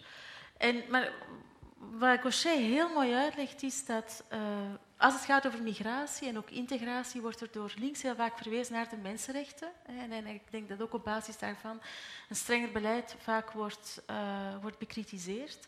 Maar als je kijkt naar die oorspronkelijke verklaring, die, die uh, Déclaration des droits de l'homme et du citoyen, dan zie je dat eigenlijk een spanning is tussen de rechten van de mens, de individuele rechten die je hebt als mens, en ook een idee van burgerschap. En de republikeinse idee van burgerschap betekent dat uh, als je burger bent van een land, dat, uh, dat die gemeenschap ook iets van jou kan eisen. En daar is solidariteit op gebaseerd. Dat je eigenlijk in naam van je burgerschap soms dingen afwijst waar je als individu naar verlangt. Dat is eigenlijk uh, de, de, dynamiek. En ik denk dat die ook van toepassing kan zijn op die problemen van migratie en van integratie, namelijk migranten, vluchtelingen hebben individuele rechten, maar langs de andere kant vereist dat burgerschap ook dat je, uh, ja, dat je je inschrijft in die politieke gemeenschap. Dus ik denk dat het uh, niet noodzakelijk een soort rechtsdiscours hoeft te zijn als je over die problemen van migratie en integratie praat. Dat kan je perfect, precies vanuit die idealen waar de sociaaldemocraten uh, zich lang op gebaseerd hebben. En namelijk dat evenwicht tussen het individu en de eisen van het collectief. En dat is denk ik, vroeger was het ook de kracht van de sociaaldemocratie, waarmee dat ze paal en perk stelden aan het neoliberale, het vrij enzovoort aan de ene kant. En aan de andere kant ook afstand namen van het totalitaire, het collectieve. Dus eigenlijk zo van de weg vinden tussen die twee. En ik denk dat bij migratie en integratie kan je ook zoeken naar die weg tussen die twee, uh, waardoor dat nieuwkomers welkom zijn, maar tegelijkertijd ook wel wordt dat ook gekaderd in de politieke gemeenschap zoals ze is. Maar ik denk dat het heel belangrijk is om aan te stippen vanuit het eigen verhaal. Je kan bijvoorbeeld ook, dat is zo'n beetje de, de, de, nieuwe Europese consensus, laat ons uh, uh, vluchtelingen opvangen aan de Europese buitengrenzen, uh, als dat al mogelijk is, in veilige orde onder toezicht van de VN of Europa, humanitair enzovoort. En van daaruit regelen wel de asielprocedure en zullen de erkende vluchtelingen wel opgenomen worden. Daar ontstaat dus een soort van Europese consensus over en dat lijkt uh, een soort van, uh, dat zijn niet pushbacks, maar dat lijkt wel terugduwen van, van de vluchtelingen buiten de Europese grens. Dat, dat is een stuk consensus, maar sociaal sommige sociaaldemocraten gaan daar verder en zeggen, kijk, de, de, de, de, middelen die we op die manier zouden besparen op lange termijn door de opvang uh, al dus te organiseren, die gaan we, niet, uh, die gaan we herinvesteren in bijvoorbeeld de uh, ontwikkeling van de lokale economie in die landen waar heel veel mensen van weggelopen. Dus je kan als, sociaal, als een links-sociaal-democratische partij wel voor een stuk op die consensus werken, wat dus blijkbaar ook in Denemarken het receptmodel is, maar daar je eigen accenten aan toevoegen, waar toch duidelijk het verschil tussen bijvoorbeeld sociaal-democratische en andere partijen kan uitblijken. U moet meegaan naar die, die workshop of die lezing voor die studiedienst van de SPA. Uh, ik kom daar nooit. nog, nog, nog, nog, een aanvulling hierop. Ja, uh, ik heb in Denemarken gesproken met Morten Messerschmidt. Dat is een van de kopstukken van de Deense Volkspartij. En toen heb ik hem dit voorgelegd. En die zei, ja, wij, zouden, wij, wij begrijpen dat... Uh, wij vinden het heel fijn dat de Sociaaldemocraten dit, dit, dit in onze optiek mm. het licht hebben gezien.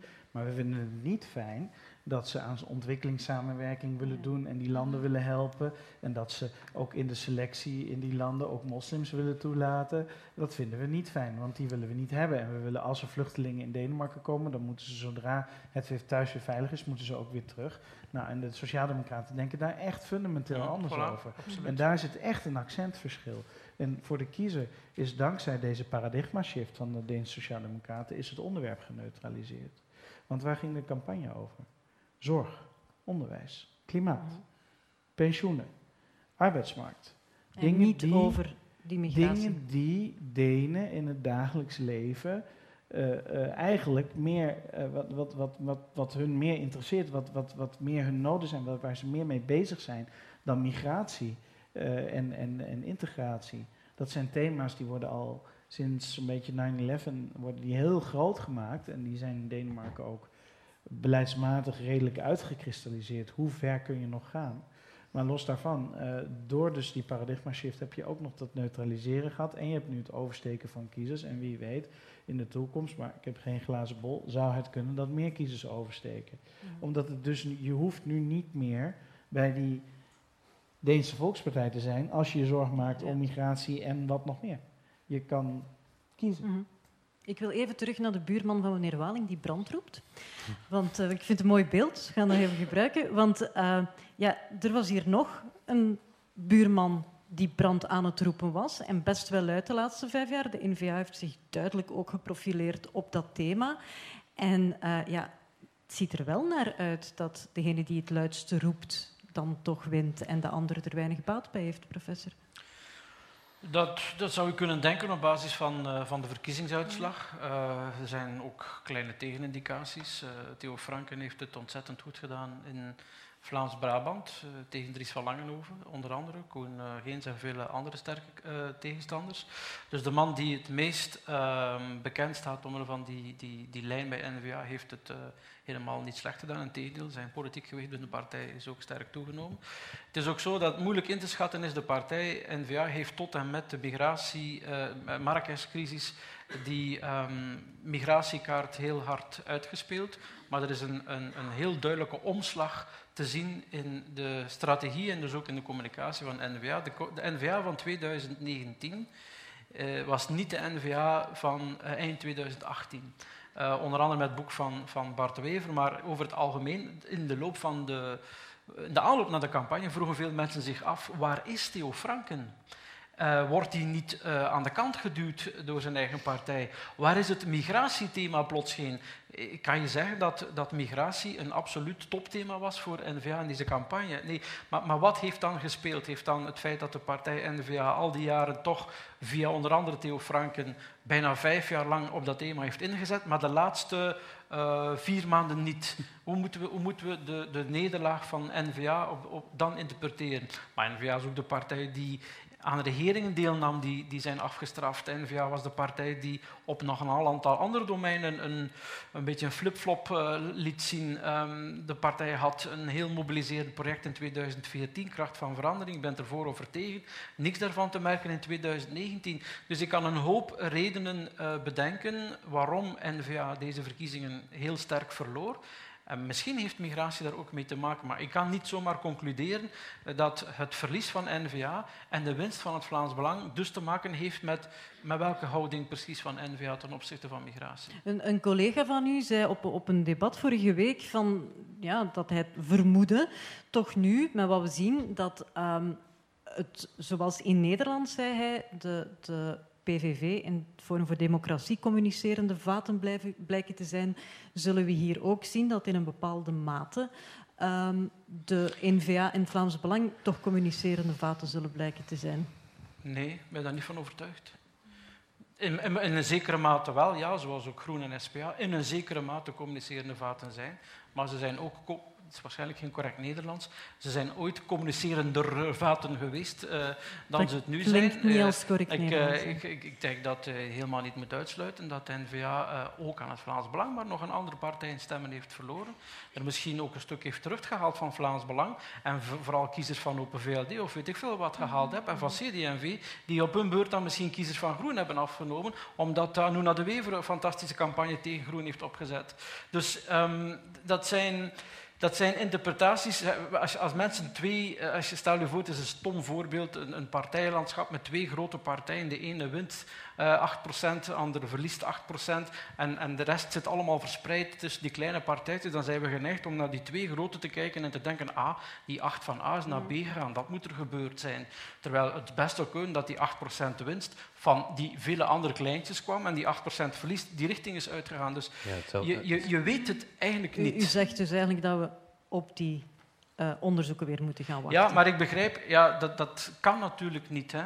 Als ik politicus zou zijn, dan zou ik op een bepaald moment ook een analyse of moeten journalist. maken. Of journalist. Dan zou ik zeggen, kijk, volgens mij is het volgende gebeurd. Mensen hebben op die partij gestemd om vier hoofdredenen. Dat is mijn interpretatie van die uitslag. Ik zal als resultaat van die analyse in de komende vijf jaar in mijn regeerakkoord dit beleid uitstippelen om de problemen die die mensen op die manier gesignaleerd hebben op te pikken. Ik zal proberen dat zo goed mogelijk te doen en binnen vier jaar zien we wel. Volgens mij is het ook precies uh, wat er in Nederland aan de hand is. Uh, dat het echt niet één op één is. Uh, het lijkt een heel mooi narratief van PVV is een beetje uit de tijd. Wilders begint een beetje sleetse plekken te vertonen en uh, er komt een nieuwe partij en, uh, en, en, die is aantrekkelijk. Dat is echt niet uh, het geval. Ik denk dat Forum voor Democratie veel breder, de partij van Thierry Baudet, veel breder aanspreekt. bijvoorbeeld ook onder teleurgestelde VVD-kiezers. Achterban van Mark Rutte die teleurgesteld zijn. Of kiezers die hun interesse in politiek verloren hadden. Niet zoveel op hadden met het Geert Wilders idee van alleen maar islam, islam, islam.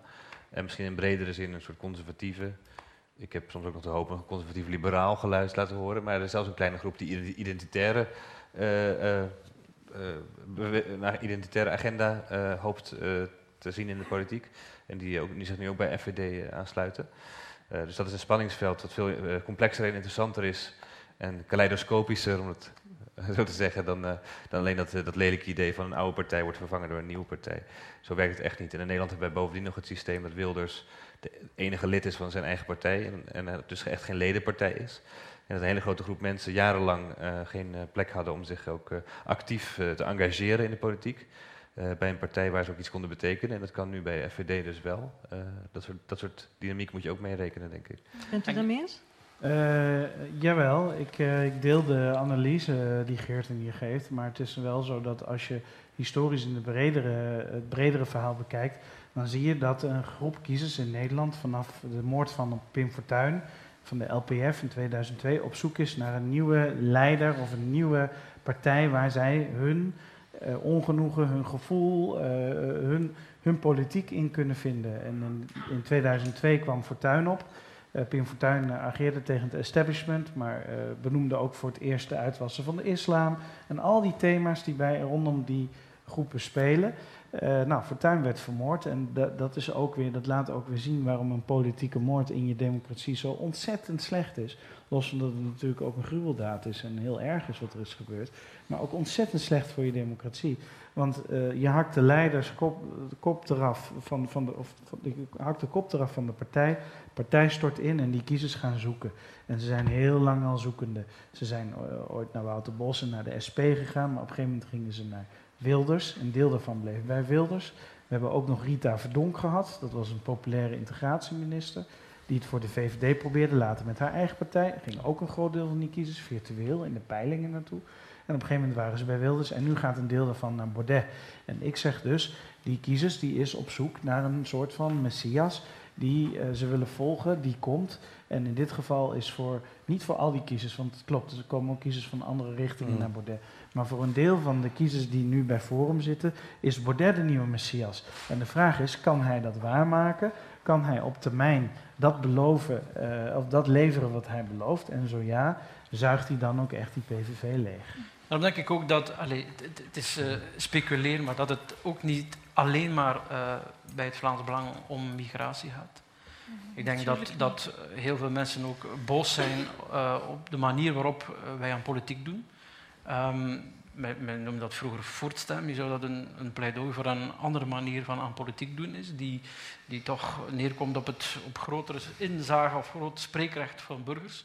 Ik denk dat je ook het belang van de component justitie niet mag onderschatten. Um, ik weet niet wat het impact is van een Julie van Espen verhaal, maar dat, dat, dat doet dat soort van gevoelens geen deugd. Ik denk dat er ook heel veel mensen um, uh, ja, die het einde van de maand niet halen, die, die, die in armoede of quasi-armoede leven, een, een, een weg zoeken via een stem om hun verontwaardiging daarover te uiten. En vinden dat die andere traditionele partijen daar in het verleden al vaak genoeg de kans voor gekregen hebben. Die dus om vele verschillende redenen uh, voor, een, uh, voor Vlaams Belang stemmen. Uiteraard is dat um, migratie-element zeer dominant. Maar um, als ik, het is volslagen onwetenschappelijk, maar ik woon en ik kom vandaan uit steden waar de partij een ontzettende, in het diepe West-Vlaanderen, waar de partij ontzettend sterk gegroeid is. Ik ken uh, heel veel mensen die ook. Dus ik moet iets aan, mijn, aan mijn vriendenkring doen. maar ik ken heel veel mensen die achteraf ook zeggen: Kijk, ik, de, deze keer heb ik voor Vlaams Belang gestemd. Waar je, waar je ook verbaasd was over wat de redenen waarom. En, en, en wat ze deelden was een, was een, was een verontwaardiging. Ik, ik, ik doe dat niet af als zuur of, of, andere onsympathieke omschrijvingen, maar dat zijn die mensen niet. Maar er is veel meer aan de hand. We hebben het hier ook de hele tijd, en ik begrijp het wel, vooral over dat ene element. Maar er is wel veel meer aan de hand dan alleen maar dat. -hmm. En uh, als, als u nu toch even kijken naar, naar dat idee, uh, die vergelijking met Nederland, die wij hier de hele tijd in de kranten zien. Hè. Vooral dan ook, want daar hebben we hier nog niet over gehad, maar het feit dat uh, meneer Wilders ja, nog niet echt in een regering heeft gezeten, maar gedoogsteun aan een minderheidskabinet heeft verleend. En die link wordt hier de hele tijd gelegd. En dan wordt ook gedaan alsof de situatie heel vergelijkbaar is. Daar wil ik het toch ook wel, wel even over hebben. Mo mogen we die, uh, ja, gedoogsteun of de stap waar we het zo meteen over gaan hebben? We hebben daar, geen, uh, we hebben daar eigenlijk geen ervaring mee, geen cultuur. Je zou zeggen, begin er ooit aan. Dat, kwam, dat idee kwam uh, vanuit het Nederlandse voorbeeld. Ja, ja. Ik persoonlijk geloof, maar misschien ben ik oldschool. Uh, ik, ik geloof daar eigenlijk niet in. Ik zie dat in ons uh, politiek systeem niet functioneren. Um, dus dat zou volgens mij een, een, een, lange periode van instabiliteit betekenen. We hebben er nog maar net in gehad, lange periodes van instabiliteit.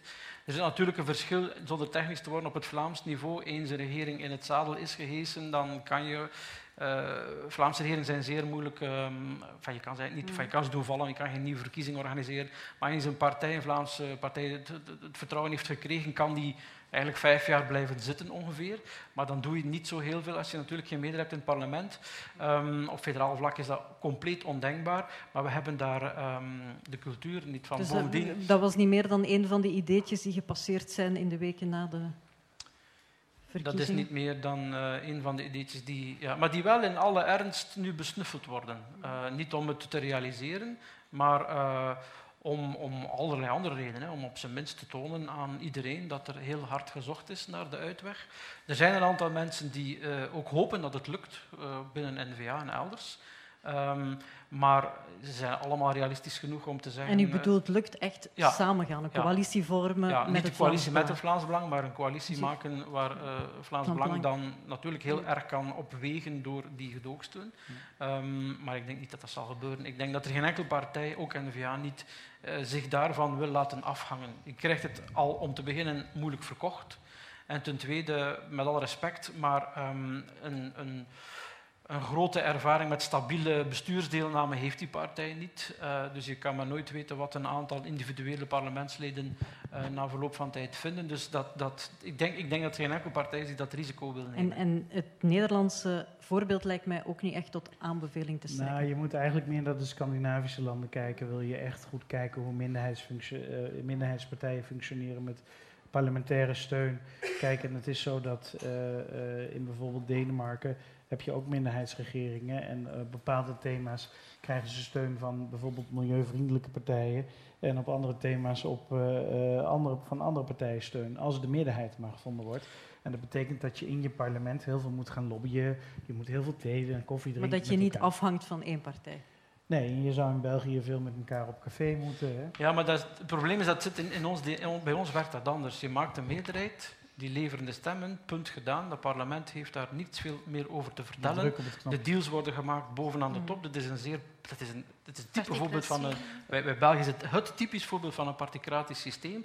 De top maakt de deals en dat is wielen en dealen. Ik geef iets toe in dossier A, jij geeft binnen zes maanden iets toe in dossier B en ondertussen stemmen we dit. Als je elke keer eh, eh, aan, aan, een, aan een fractie buiten je meerderheid die in return niks krijgt of weinig zekerheid heeft, daar moet mee onderhandelen. Dat werkt gewoon niet in ons Het zou- particratisch het, zou- systeem. het zou toch gewoon vreselijk zijn als er thema's in het parlement moesten worden bediscussieerd. Ja.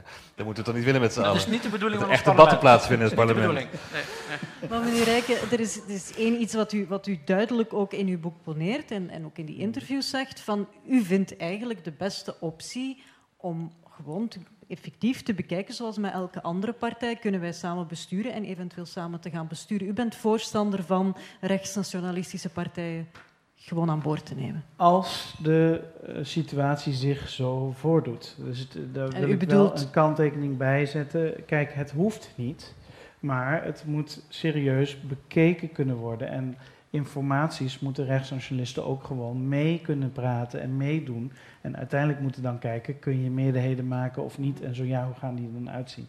En ik zag afgelopen vrijdag zag ik bij de afspraak op de VT meneer De Rover eh, van de NVA. En die zei heel duidelijk, voor ons geldt bijvoorbeeld de rode lijn van de mensenrechten. Dus op het moment dat Vlaamse belangers die rode lijn oversteken en de mensenrechten of de democratie niet respecteren, dan is het voor ons gedaan. Maar eh Vlaamse belangers mogen, hoe gek ook, hun mening geven, zolang ze op het groene knopje drukken en zichzelf aan de afspraken houden. Als die rode lijn van de mensenrechten bijvoorbeeld eh, eh, niet is overschreden. Nou, dat is een vorm die kun je opleggen en dat, aan de hand van die criteria kun je kijken, is het mogelijk om met zo'n partij zaken te doen, al dan niet om ze mee in bad te nemen of hoe je dat ook wil noemen. Maar in ieder geval in een goede, een, een goedlopende democratie. En de Belgische is een goedlopende democratie. In een goedlopende democratie kan ook, deze, kan ook zo'n dergelijke partij meedoen. En als je zo'n partij laat meedoen, en dat hebben we nu een beetje met de NVA gezien, want dat was ook een Gideonsbende, eh eh, zeg tien jaar, vanaf tien jaar geleden tot aan nu, en eh, buiten het establishment. En nou, ze hebben sinds een jaar of vier, vijf regeringsverantwoordelijkheid. Nou, en daar heeft de kiezer ook op zijn manier op gereageerd. Een deel van die kiezers is teleurgesteld geraakt, een deel van die kiezers zegt, nou, ze hebben toch niet dat geleverd wat ze beloofden, eh, enzovoorts. Dus dat zou ook met andere partijen kunnen. En eh, overal in Europa, nou niet overal, maar op heel veel plekken gebeurt het al. En je ziet dus ook dat waar een democratie sterk genoeg is, is ook dat corrigerende vermogen daar. En dan worden ook die partijen afgestraft door de kiezer. Dus eh, ver- vergeet dat cordon sanitair. Nou, vergeet, ik begrijp wel, dat zeg ik ook vandaag in Knak, Hm. eh, jullie blad. eh, waar, Dankjewel. waar, heet het, ik begrijp waar het cordon vandaan komt. En ik weet ook dat België en ook vanuit de Tweede Wereldoorlog af, de collaboratie, alles wat daarbij hoort. Ik begrijp die constellatie en ik begrijp ook die emotie. Die snap ik heel goed. Maar aan de andere kant, we leven bijna in 2020. Eh, er is een totaal andere tijd. Ehm, dus we moeten de dingen ook in de proporties van het nu zien. Maar Het is een daarbij beetje nooit achterhaald. vergeten, het is niet achterhaald, in de zin, eh, het, het, het cordon bestaat nog. Maar je moet nooit vergeten wat de grondslag van het cordon is. Maar aan de andere kant denk ik dat partijen, ook de NVA, ook andere, mans en volwassen genoeg zijn om te zeggen, en voor hier is ons Mhm. dan de grens, als die grens eenmaal komt. Mevrouw Beekman, ik, ik zag u daar net heel bedenkelijk kijken. Ik weet niet of u het nou net helemaal eens bent of net helemaal niet. Ik zie het in, eh, in Vlaanderen niet gebeuren. Er is natuurlijk ook geen, eh, geen tegenstander aan, aan, aan de Franstalige kant. Natuurlijk, partijen kunnen ook een enorme invloed hebben zonder dat ze ooit in een regering zitten. Hè. En dat heb je heel erg gemerkt, ook met die migratiecrisis, waar heel weinig over gesproken is, onder meer door de Christen-Democraten, is de hele wending die bijvoorbeeld Merkel gemaakt heeft met migratie. Dan heb je eigenlijk bijna geen rechtse partij meer nodig over. eh, eh, na die vluchtelingencrisis enzovoort. Dus ik dat die partijen kunnen een enorme impact hebben zonder dat ze deelnemen aan de macht. En ten tweede, ja, in Vlaanderen, als je voor het Vlaams Belang stemt, dan weet je eigenlijk ook wel dat je stemt voor een partij die niet zal meer regeren. Ik bedoel, hè, van, om, omwille van het In de huidige in constellatie. de huidige constellatie Absoluut. ook. En dat speelt denk ik, alleen voor mij speelt dat denk ik ook wel, eh, ook wel mee. Dus ik zie het eigenlijk niet meteen gebeuren. Maar natuurlijk, ik zei het daar straks ook nog, er zijn zoveel dingen in de politiek waarvan je zegt, eh, of waarvan gezegd werd, dit zal nooit gebeuren, hè, zoals de brexit of zoals... eh, Marine Le Pen die eerst eindigt bij verkiezingen of et cetera, et cetera. En eigenlijk, uiteindelijk veranderen dingen effectief. En ik denk ook dat we niet mogen onderschatten als je N-VA en Vlaams Belang neemt in Vlaanderen momenteel en de P van de A erbij. Want er is het cordon op rechts, maar eigenlijk is er ook een cordon op links, waar niet echt over gesproken wordt, maar dat eigenlijk ook eigenlijk een soort cordon is. Ja, dan kom je al wel in de buurt van de 50 procent. PVDA bestuurt lokaal en, dat is natuurlijk ook wel iets heel, dat is ook wel iets heel bijzonders. Dat is toch wel een heel grote groep. Maar vindt u het dan, u spreekt zich niet zelf uit, vindt u het ook wenselijk om te zeggen, in deze tijden hoeft er geen voorbehoud meer te worden gemaakt tegenover Vlaams Belang als mogelijke bestuurspartner? Kijk, er zitten in die partij, eh, meneer Erover kan van alles zeggen over lijnen en zo, maar er zitten in die partij toch overduidelijk mensen die, eh, die uitspraken doen, die een visie hebben, die wat mij betreft gewoon racistisch is, die dat, eh, nog altijd. En dus in dat opzicht denk ik dat er gewoon echt een fundamenteel probleem is met die partij. Dat is mijn... Ik weet dat er ook mensen zijn die zeggen ja, maar je kan over bepaalde dingen akkoorden sluiten en, en je daar helemaal eh, niks van aantrekken of dat eh, buiten beschouwing laten. Maar ik zelf zie dat toch niet meteen eh, als een goede zaak. Meneer Walling? Ja, ehm, ik heb daar wat moeite mee, omdat ik eh, eh, vind dat dit soort oordelen eh, aan twee, twee rechters moeten worden overgelaten. Ten eerste de gewone rechter, die heeft dat al in het verleden al bij het Vlaams Blok, onder andere, zich daar duidelijk over uitgesproken. Maar ook de belangrijkste rechter in deze toch wel de kiezer. En ik vind wel dat als het dus dit soort, dat je juist vanuit de verlichtingsgedachte het licht kunt, in een open debat het licht kunt schijnen op dit soort geluiden binnen zo'n partij.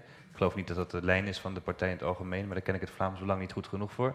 Maar er zullen ongetwijfeld, net zoals bij AFD en ook misschien wel bij FVD of bij andere partijen, zullen er ongetwijfeld mensen zijn in die partij die er nog een naargeestige gedachte op nahouden. Misschien zelfs straf, st- strafbare eh, ideeën uiten. Ehm, maar daar moet je toch echt mee oppassen, vind ik, om dat eh, zeker politiek uit te sluiten. Eh, ten eerste omdat je daarmee de kiezer ook eh, uitsluit. En dat- ze zijn niet politiek uitgesloten. En je ziet dat ze ja, komen in het een- parlement, ze krijgen alle werking van het parlement enzovoort. Dus van een coalitie. eh, om daar in ieder geval niet serieus over te praten, hè, wat, wat Kim al zegt, ben ik het er wel mee eens. Ik vind ook dat het heel erg kwalijk is en ondemocratisch om, om, om het meteen als een bedreiging of als een gevaar te zien in zo'n partij. En dan vind ik zelfs het, het verleden met de oorlog, dat hebben wij in Nederland ook, dat heeft Du- Duitsland heel sterk.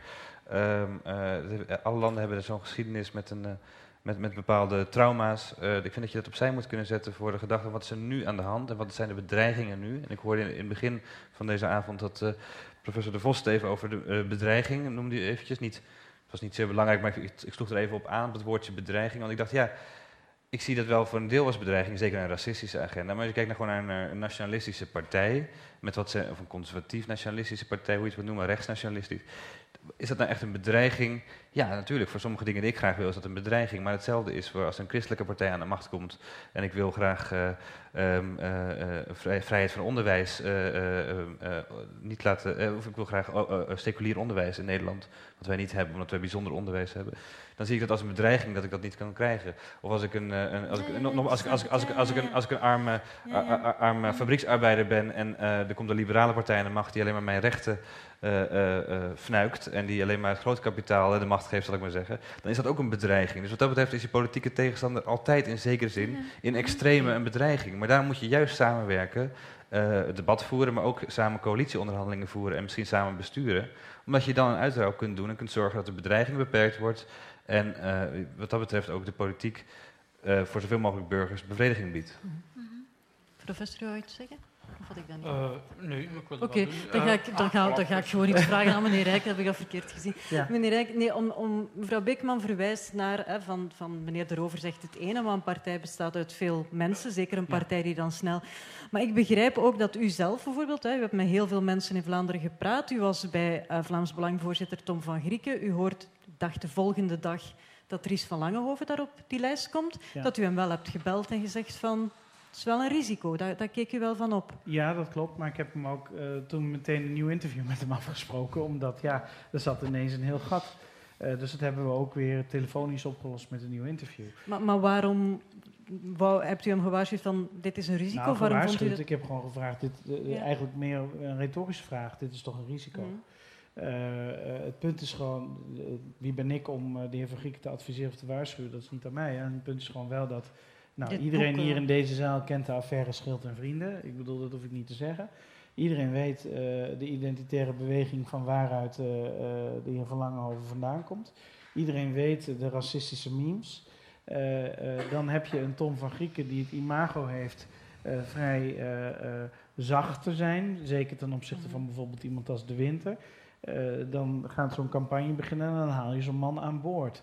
En de enige reden die ik mij kon bedenken waarom Van Langenhoven aan boord is gehesen, is omdat men anders bang was dat er een nieuw klein rechtspartijtje zou kunnen ontstaan met de naam Schild en Vrienden, die aan de federale en Vlaamse verkiezingen zou kunnen meedoen. En eh, eh, ik heb dat niet eh, in de wandelgangen Mm. zo gehoord, maar ik heb wel een sterk vermoeden, omdat men in het Vlaams Belang een groot trauma heeft overgehouden aan partijen als de NVA, maar ook bijvoorbeeld de Dekken, eh, die hun in het verleden heeft bedreigd. En ook eh, heel veel kiezers Ja. uiteindelijk eh, bij hun heeft weggehaald. Tegelijkertijd hadden de Vlaams Belangers toen ook onderling ruzie, noemde affaire Mm. Morel. Dat gezegd hebben, dat komt terug op eh eh, een- een Van Langenhoven. Ja, hij antwoordt dan bij mij, van Grieken, van ja, maar hij is nog niet veroordeeld, Mm. dus hij is onschuldig, dus kunnen we hem, kunnen we hem meenemen en hij is geen partijlid. Ja, en dat is allemaal natuurlijk over nagedacht. Maar u, u vermoedt een eh, soort strategisch risico dat Ja, wordt dat is gewoon, genomen dat is gewoon eh, kansberekening. Dat is gewoon ja. strategie, is kansberekening, risicoberekening, afbreukrisico, et cetera. En dat is gewoon een afweging gemaakt. Dat is een heel opportunistische eh, reactie eh, in die zin. eh, ik vind het uitermate artificieel om een lijsttrekker als onafhankelijke eh, van uw partij voor te stellen. Jean-Marie de Dekker was onafhankelijke lijstduur op een lijst, is dan ook geen deel van de fractie van N-VA. Ik vermoed dat uh, Van Langenhoven wel lid zal zijn van de fractie van Vlaams Belang, dus ook de marsorders van de partij, van, ook eh, gebruik zal maken van de financiering van de En partij. de. En de structuur, het is een uitermate hypocriete beslissing van uh, Van, van, van Grieken om, om Van Langenhoven als onafhankelijk op zijn lijst te nemen. Uh, terwijl hij in de eerste reactie daar afst afstand van had genomen, dat hij volgens mij ook uh, beter gedaan. Uh, want het heeft eigenlijk het. Ook, wat zei je? Was dat met Ginny Peels ook? Maar die is dan uiteindelijk toch. Ja, die heeft dan uiteindelijk uh, nou, bij voortschrijdend inzicht een kaart gekocht. Um, maar um, ik, ik, uh, ik vond dat uit, uitermate opportunistisch. Um, en het heeft, vind ik, het, het, uh, de operatie uh, Schone Handen van het Vlaams Belang uh, zeer naar beneden geduwd. Want wat hij er ook van denkt of zegt, ik denk dat dat als een extreemrechtse gedachtenstroming uh, te opschrijven is. Wat het probleem, wat Tineke net aanhaalt, wel weer groot maakt. Uh, ik, vind ook, cordon, uh, dat hoeft niet in die zin. Uh, cordon sanitair is een, is een luimakend argument geworden. Er zijn heel veel mensen die niet goed weten waarvoor dat cordon eigenlijk dient, wat de argumenten zijn die erachter zitten. En als je zegt, we doen niet met Vlaams Belang, er is cordon sanitair, zijn er heel veel mensen die niet begrijpen wat dat precies betekent. dus ik vind, als je dat dan wil, dan moet je dat veel beter beargumenteren. Wat nu het probleem bij het Vlaams Belang is, die ervoor zorgt dat hij met die partij niet kan Nu loopt men natuurlijk het risico, want um, de top van het Vlaams Belang is zot van glorie uh, en uh, wil geweldig dicht bij de macht komen nu. Uh, sommige mensen waarschuwen voor het risico dat een aantal Vlaamse belangers de, de eisen net boven de grond zullen duwen. Om toch maar zo weinig mogelijk argumenten aan de overkant te geven om niet met hen te besturen. En wat doe je dan? Wat doe je dan? Besturen dan nog met een Vlaams belang als het de scherpste randjes van al die voorstellen wegschuurt, wat uiteindelijk een, een, een rechtsconservatief, maar al bij al fatsoenlijk programma oplevert.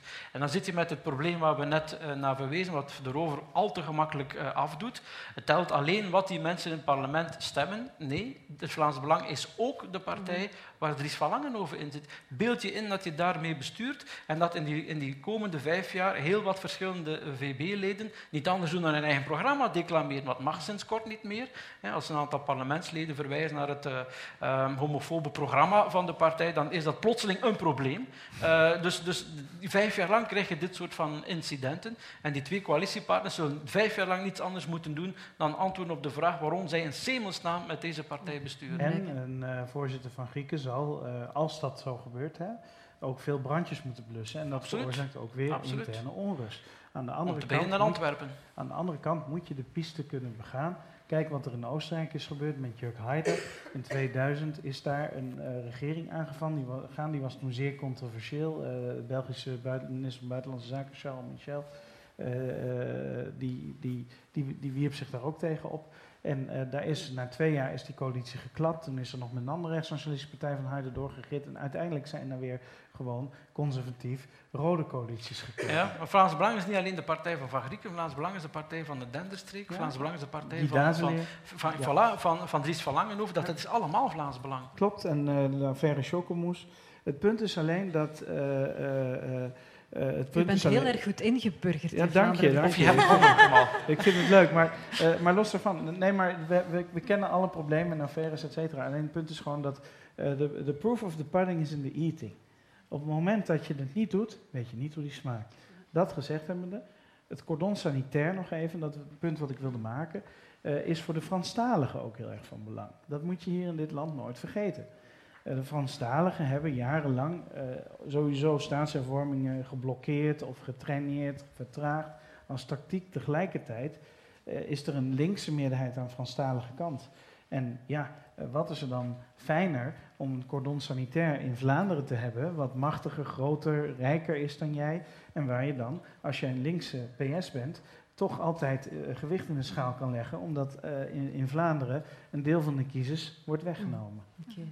Uh, dames en heren, ik heb de mensen beloofd dat zij ook nog even ja, ik mogen. Dus, uh, dus ik kijk even naar de zaal. Uh, even vragen, ehm, daar is er iemand.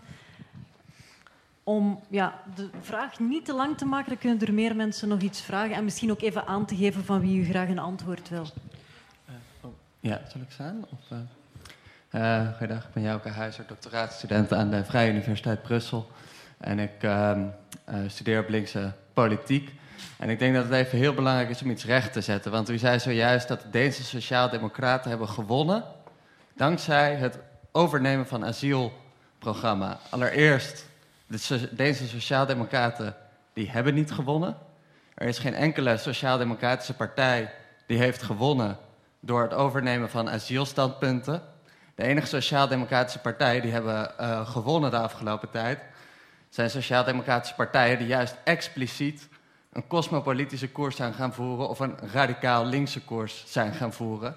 Dus ik vind het buitengewoon tendentieus dat u zegt sociaal-democratische partijen zouden zo'n programma over moeten nemen. Omdat het gewoon, u, u, u liegt eigenlijk op het moment dat u zegt sociaal-democratische partijen winnen daarmee. De sociaal-democraten in Denemarken hebben verloren en overal waar ze deze kant op zijn gegaan hebben ze verloren.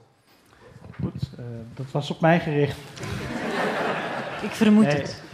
Kijk, uh, A, dat heb ik niet zo gezegd, maar die discussie ga ik niet aan. En, uh, want nogmaals, het hoeft niet gekopieerd te worden. Ze hebben wel degelijk gewonnen, want ze zijn de grootste in de verkiezingen. Alleen, het was, heb ik ook al gezegd net, geen hele grote overwinning. En daarnaast heb ik gezegd dat door die paradigma shift te maken, ging het in de afgelopen campagne over andere thema's. En die andere thema's heb ik net opgenoemd. Zorg, onderwijs, etc. En op die thema's, het is een mix geweest tussen enerzijds die basis die dan nou, die paradigma shift is, maar anderzijds allerlei andere standpunten van de Sociaal-Democratische Partij, waardoor ze ook kiezers hebben getrokken. Het probleem zat hem erin dat kleine linkse partijen in Denemarken zich juist heel erg hebben afgezet tegen die agenda en daardoor een aantal kiezers heeft getrokken. Maar dat heeft ook te maken voor een deel met wat we in Europa zien. Kiezers in grote steden gaan over het algemeen naar kleinere linkse partijen. Dat zien we overal. Hoger opgeleide kiezers en kiezers in, grote, in centra van grotere steden. Je ziet dat in Duitsland, je ziet dat in Nederland, in studentensteden, et cetera. Dus dat is daar aan de hand. En je hoort mij nooit zeggen, nogmaals, en misschien heb je het anders willen horen, dat kan. Maar je hoort mij nooit zeggen, dat moet je overnemen, dus dan is het goed. Nee, ik zeg gewoon, hier is iets aan de hand. Dat is, er is onder een groot deel van de bevolking toch een consensus over migratie. Dat je dat op een bepaalde manier moet aanpakken. En de Sociaaldemocraten zijn van daaruit vertrokken en hebben hun eigen plan bedacht. Hebben hun eigen plan daar opgelegd. dat is wat ik heb gezegd. Zo had ik het ook begrepen. Is er nog iemand uh, ik zal misschien een iets lichtere vraag stellen. Uh, u zei daar juist, uh, meneer De Vos, uh, dat Anuna de Wever een mooie campagne tegen groen heeft gevoerd. En, en ondanks dat het thema toch klimaat was en, en het mij een heel groen thema leek, deze verkiezingen, hebben ze niet echt gewonnen, lijkt mij. wat is uw visie daarop? Dat, dat, van Anuna was eigenlijk een grapje. Maar ik sluit ook niet uit dat de klimaatmarsen groen stemmen gekost hebben. Bij mensen die vonden dat het allemaal wat te radicaal was. En vooral op het einde werd het uh, uit ergernis van die, die mensen die vonden dat er te weinig snelle respons kwam, werden die ontgoocheld en op den duur ook gefrustreerd. En klonk er volgens mij ook antipolitiek en antidemocratie.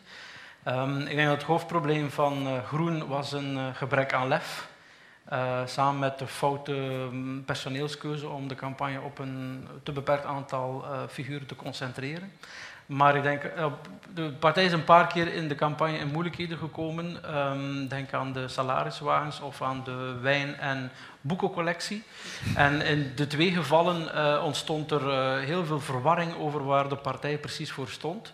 Terwijl ze eigenlijk één ding had moeten doen, dat is zeggen wat ze bedoeld hadden. Namelijk, als u over een salariswagen beschikt, dan zult u in ons voorstel inderdaad, als wij dat kunnen realiseren, een paar honderd euro uh, verliezen. Wij gaan dat niet volledig compenseren en we hopen dat die vermindering het hele collectief alleen maar versterkt.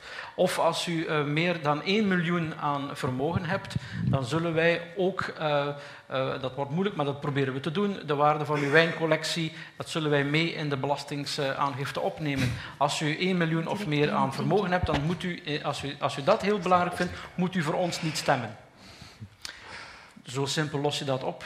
Maar op dat moment was er paniek. Er werden er allerlei variaties op hetzelfde thema. En dan ruiken mensen, en het straalt af op het hele programma, hier klopt iets niet. De groenen zijn ons voor de gek aan het houden. En dan is het schip gezonken. Okay. Het zal iets complexer zijn dan dat, maar ik wil er geen avondvullend programma van maken. Nog vragen? U noemde dat een lichte vraag. Misschien, Dat is een zware vraag van u. misschien maken we het allemaal een beetje moeilijk. Uh, ooit heeft professor van Gent, sociologie, mij gezegd... houd de Kondratjevs in de gaten. Vijftig jaar geleden, uh, als jonge mens, als je niet links waart... waren een beetje een outcast. En nu zijn ze allemaal rechts. Is het misschien ook, even het ook te doen met de cycli en de cyclus uh, van the mood of the people... U verwijst naar de eminente Helmut Gauss, was mijn promotor. Um, en zijn, uh, dus ik heb uh, decennia lang Kondratjevs mogen bestuderen. Um, met Marx en alles erop en eraan. voor, voor, voor Helmut Gauss was het inderdaad simpel, maar daar zat een strakke marxistische analyse ook achter. het gaat op en neer, met lange termijn golven van 50 jaar en dan de korte termijn golven tussen de 10 en de 20. Ik denk dat Helmut ook dit zou verklaard hebben aan de hand van de economische conjunctuur. Ongetwijfeld. Maar dat economisme van Helmut um, kon vaak ook bepaalde dingen niet oplossen. Maar hij had het zeker gedaan. Er is nog meneer. Is nog een meneer. Ah, ja. Ah, ja. We komen zo bij u, meneer. Nog. Um, ik heb nog een vraag. Ik, uh, um, het is een open vraag. Um, ik vraag me af of het panel niet uh, terzelfde tijd een beetje te legalistisch redeneert en ook een beetje te, ik zou bijna zeggen, commercieel redeneert. Uh, ja, ik heb mensen horen spreken over kiezers in termen van bijna klanten. Van, um, u zei dat van als ik dan seculier onderwijs wil, dan kies ik voor die partij. Ik heb ook mensen horen zeggen van the proof is in the pudding. En dat doet mij dan denken aan zo het heel liberale denken. Zo de invisible hand. Er zal wel iemand een fout maken en dan maakt het zichzelf wel... Dan, dan trekt het zichzelf wel terug goed. Alsof, alsof het niet heel onvoorzichtig is om, om zo te redeneren. Ik, ik mis een beetje echt politiek denken. Um, ik vraag me af of...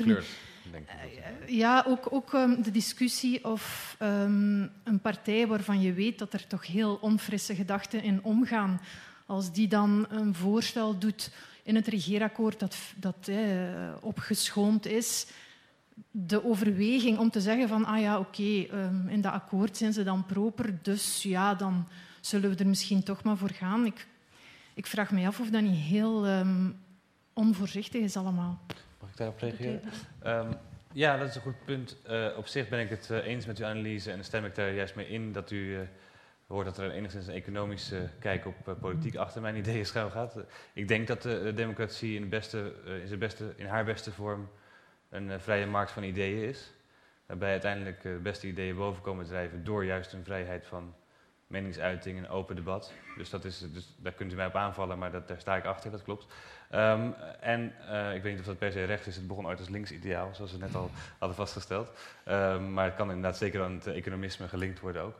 Um, maar daarnaast uh, heb ik natuurlijk zelf ook wel mijn oordelen en mijn morele oordelen. En uh, heb ik al min of meer expliciet denk ik ook aangegeven, zeker impliciet, dat er uh, bepaalde stemmen kunnen zijn in partijen die heel gevaarlijk zijn. Dat er zelfs partijen kunnen, in theorie hele partijen kunnen opkomen die heel gevaarlijk zijn.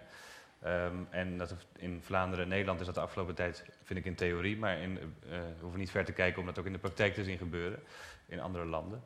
En daar heb je dus een hele sterke rechtsstaat voor nodig. Um, maar ik denk dat er uh, twee aanvallen mogelijk zijn. De eerste zei ik al, de rechter die daadwerkelijk anti, nou ja, anti-rechtsstatelijke plannen kan verbieden. Dat had in Nederland bijvoorbeeld best kunnen gebeuren met de PVV, die de Koran wilde verbieden.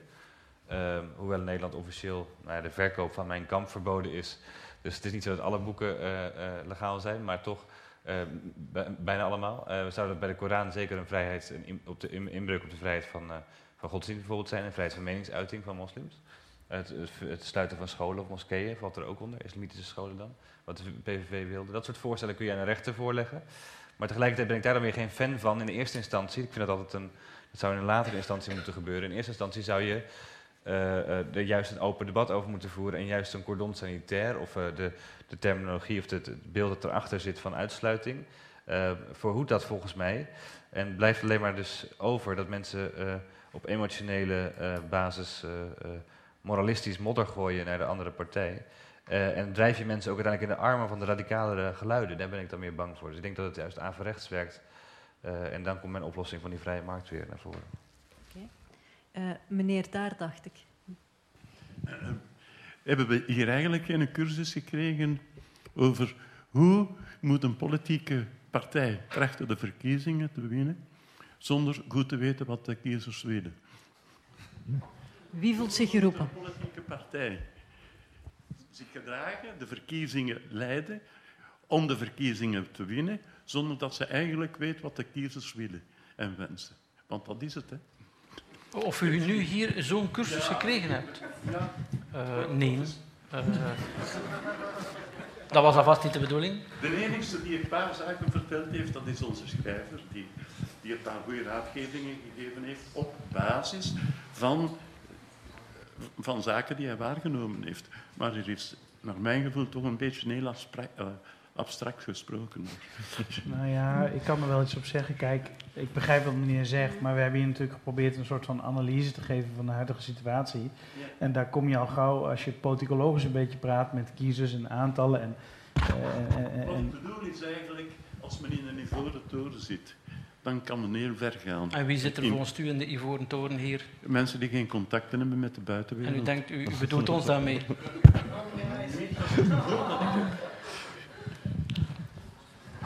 U had nogthans verwezen naar uw, uw vrienden in West-Vlaanderen. Ja, dus ik voel mij niet aangesproken. ja. Oh, dankjewel. Uh, ik heb een vraag over uh, fragmentatie uh, van het politiek landschap en instabiliteit. Want we hebben een regering gehad met maar vier partijen, federaal, dat is weinig. En toch hadden we instabiliteit.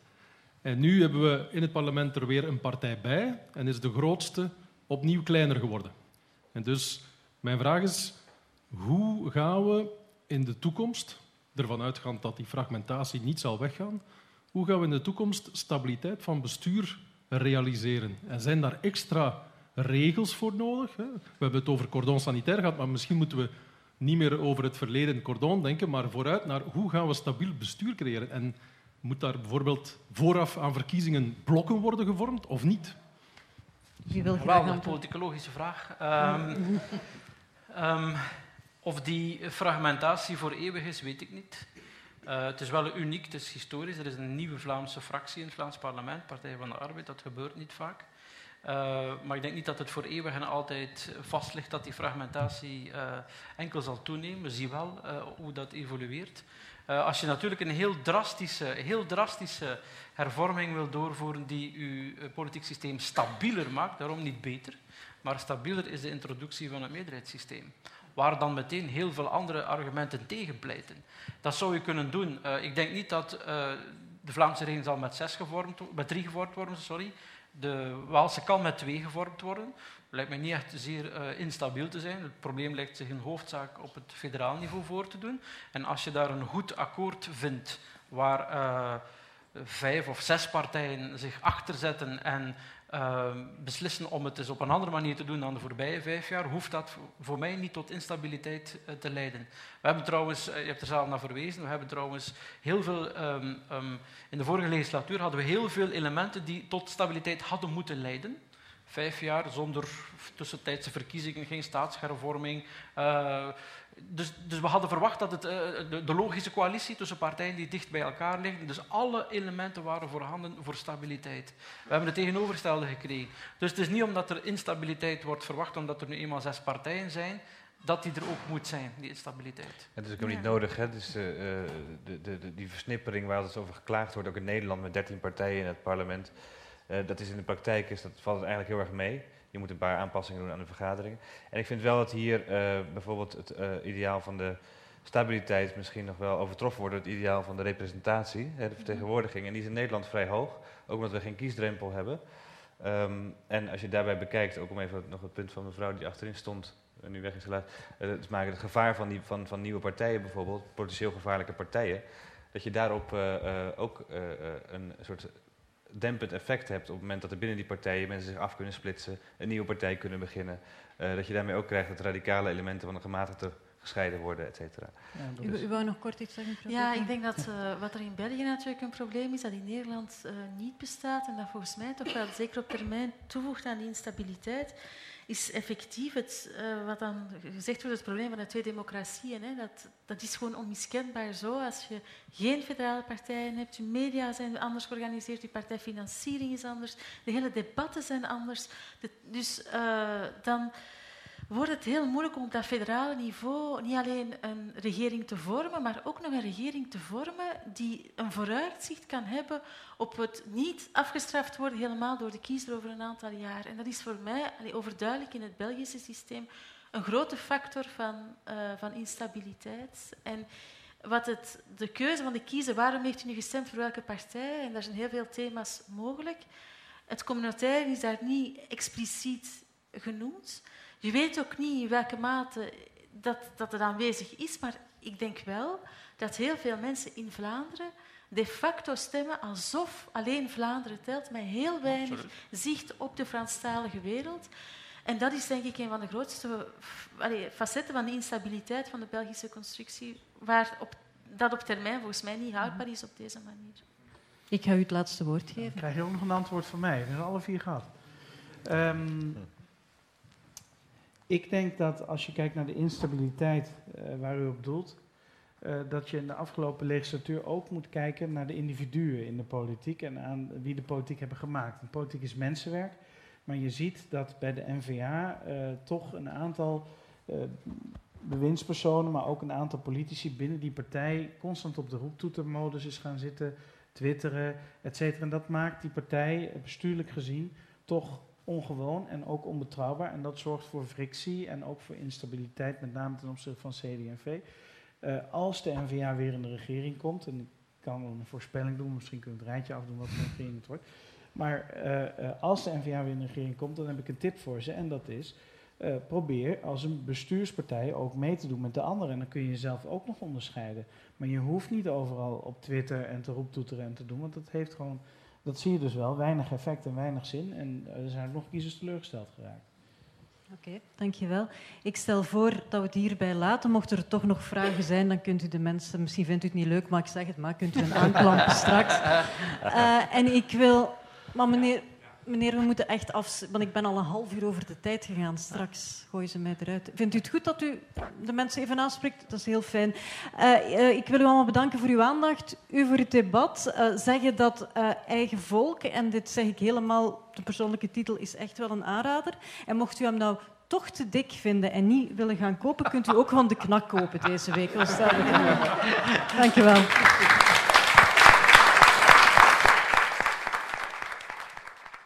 Je luisterde naar een podcast van De Buren, het Vlaams-Nederlands Huis voor Cultuur en Debat. Benieuwd naar ons literaire aanbod? Luister dan ook naar radioboeken, citybooks en andere audioverhalen. Ontdek ons podiumprogramma en al onze digitale producties op www.deburen.eu.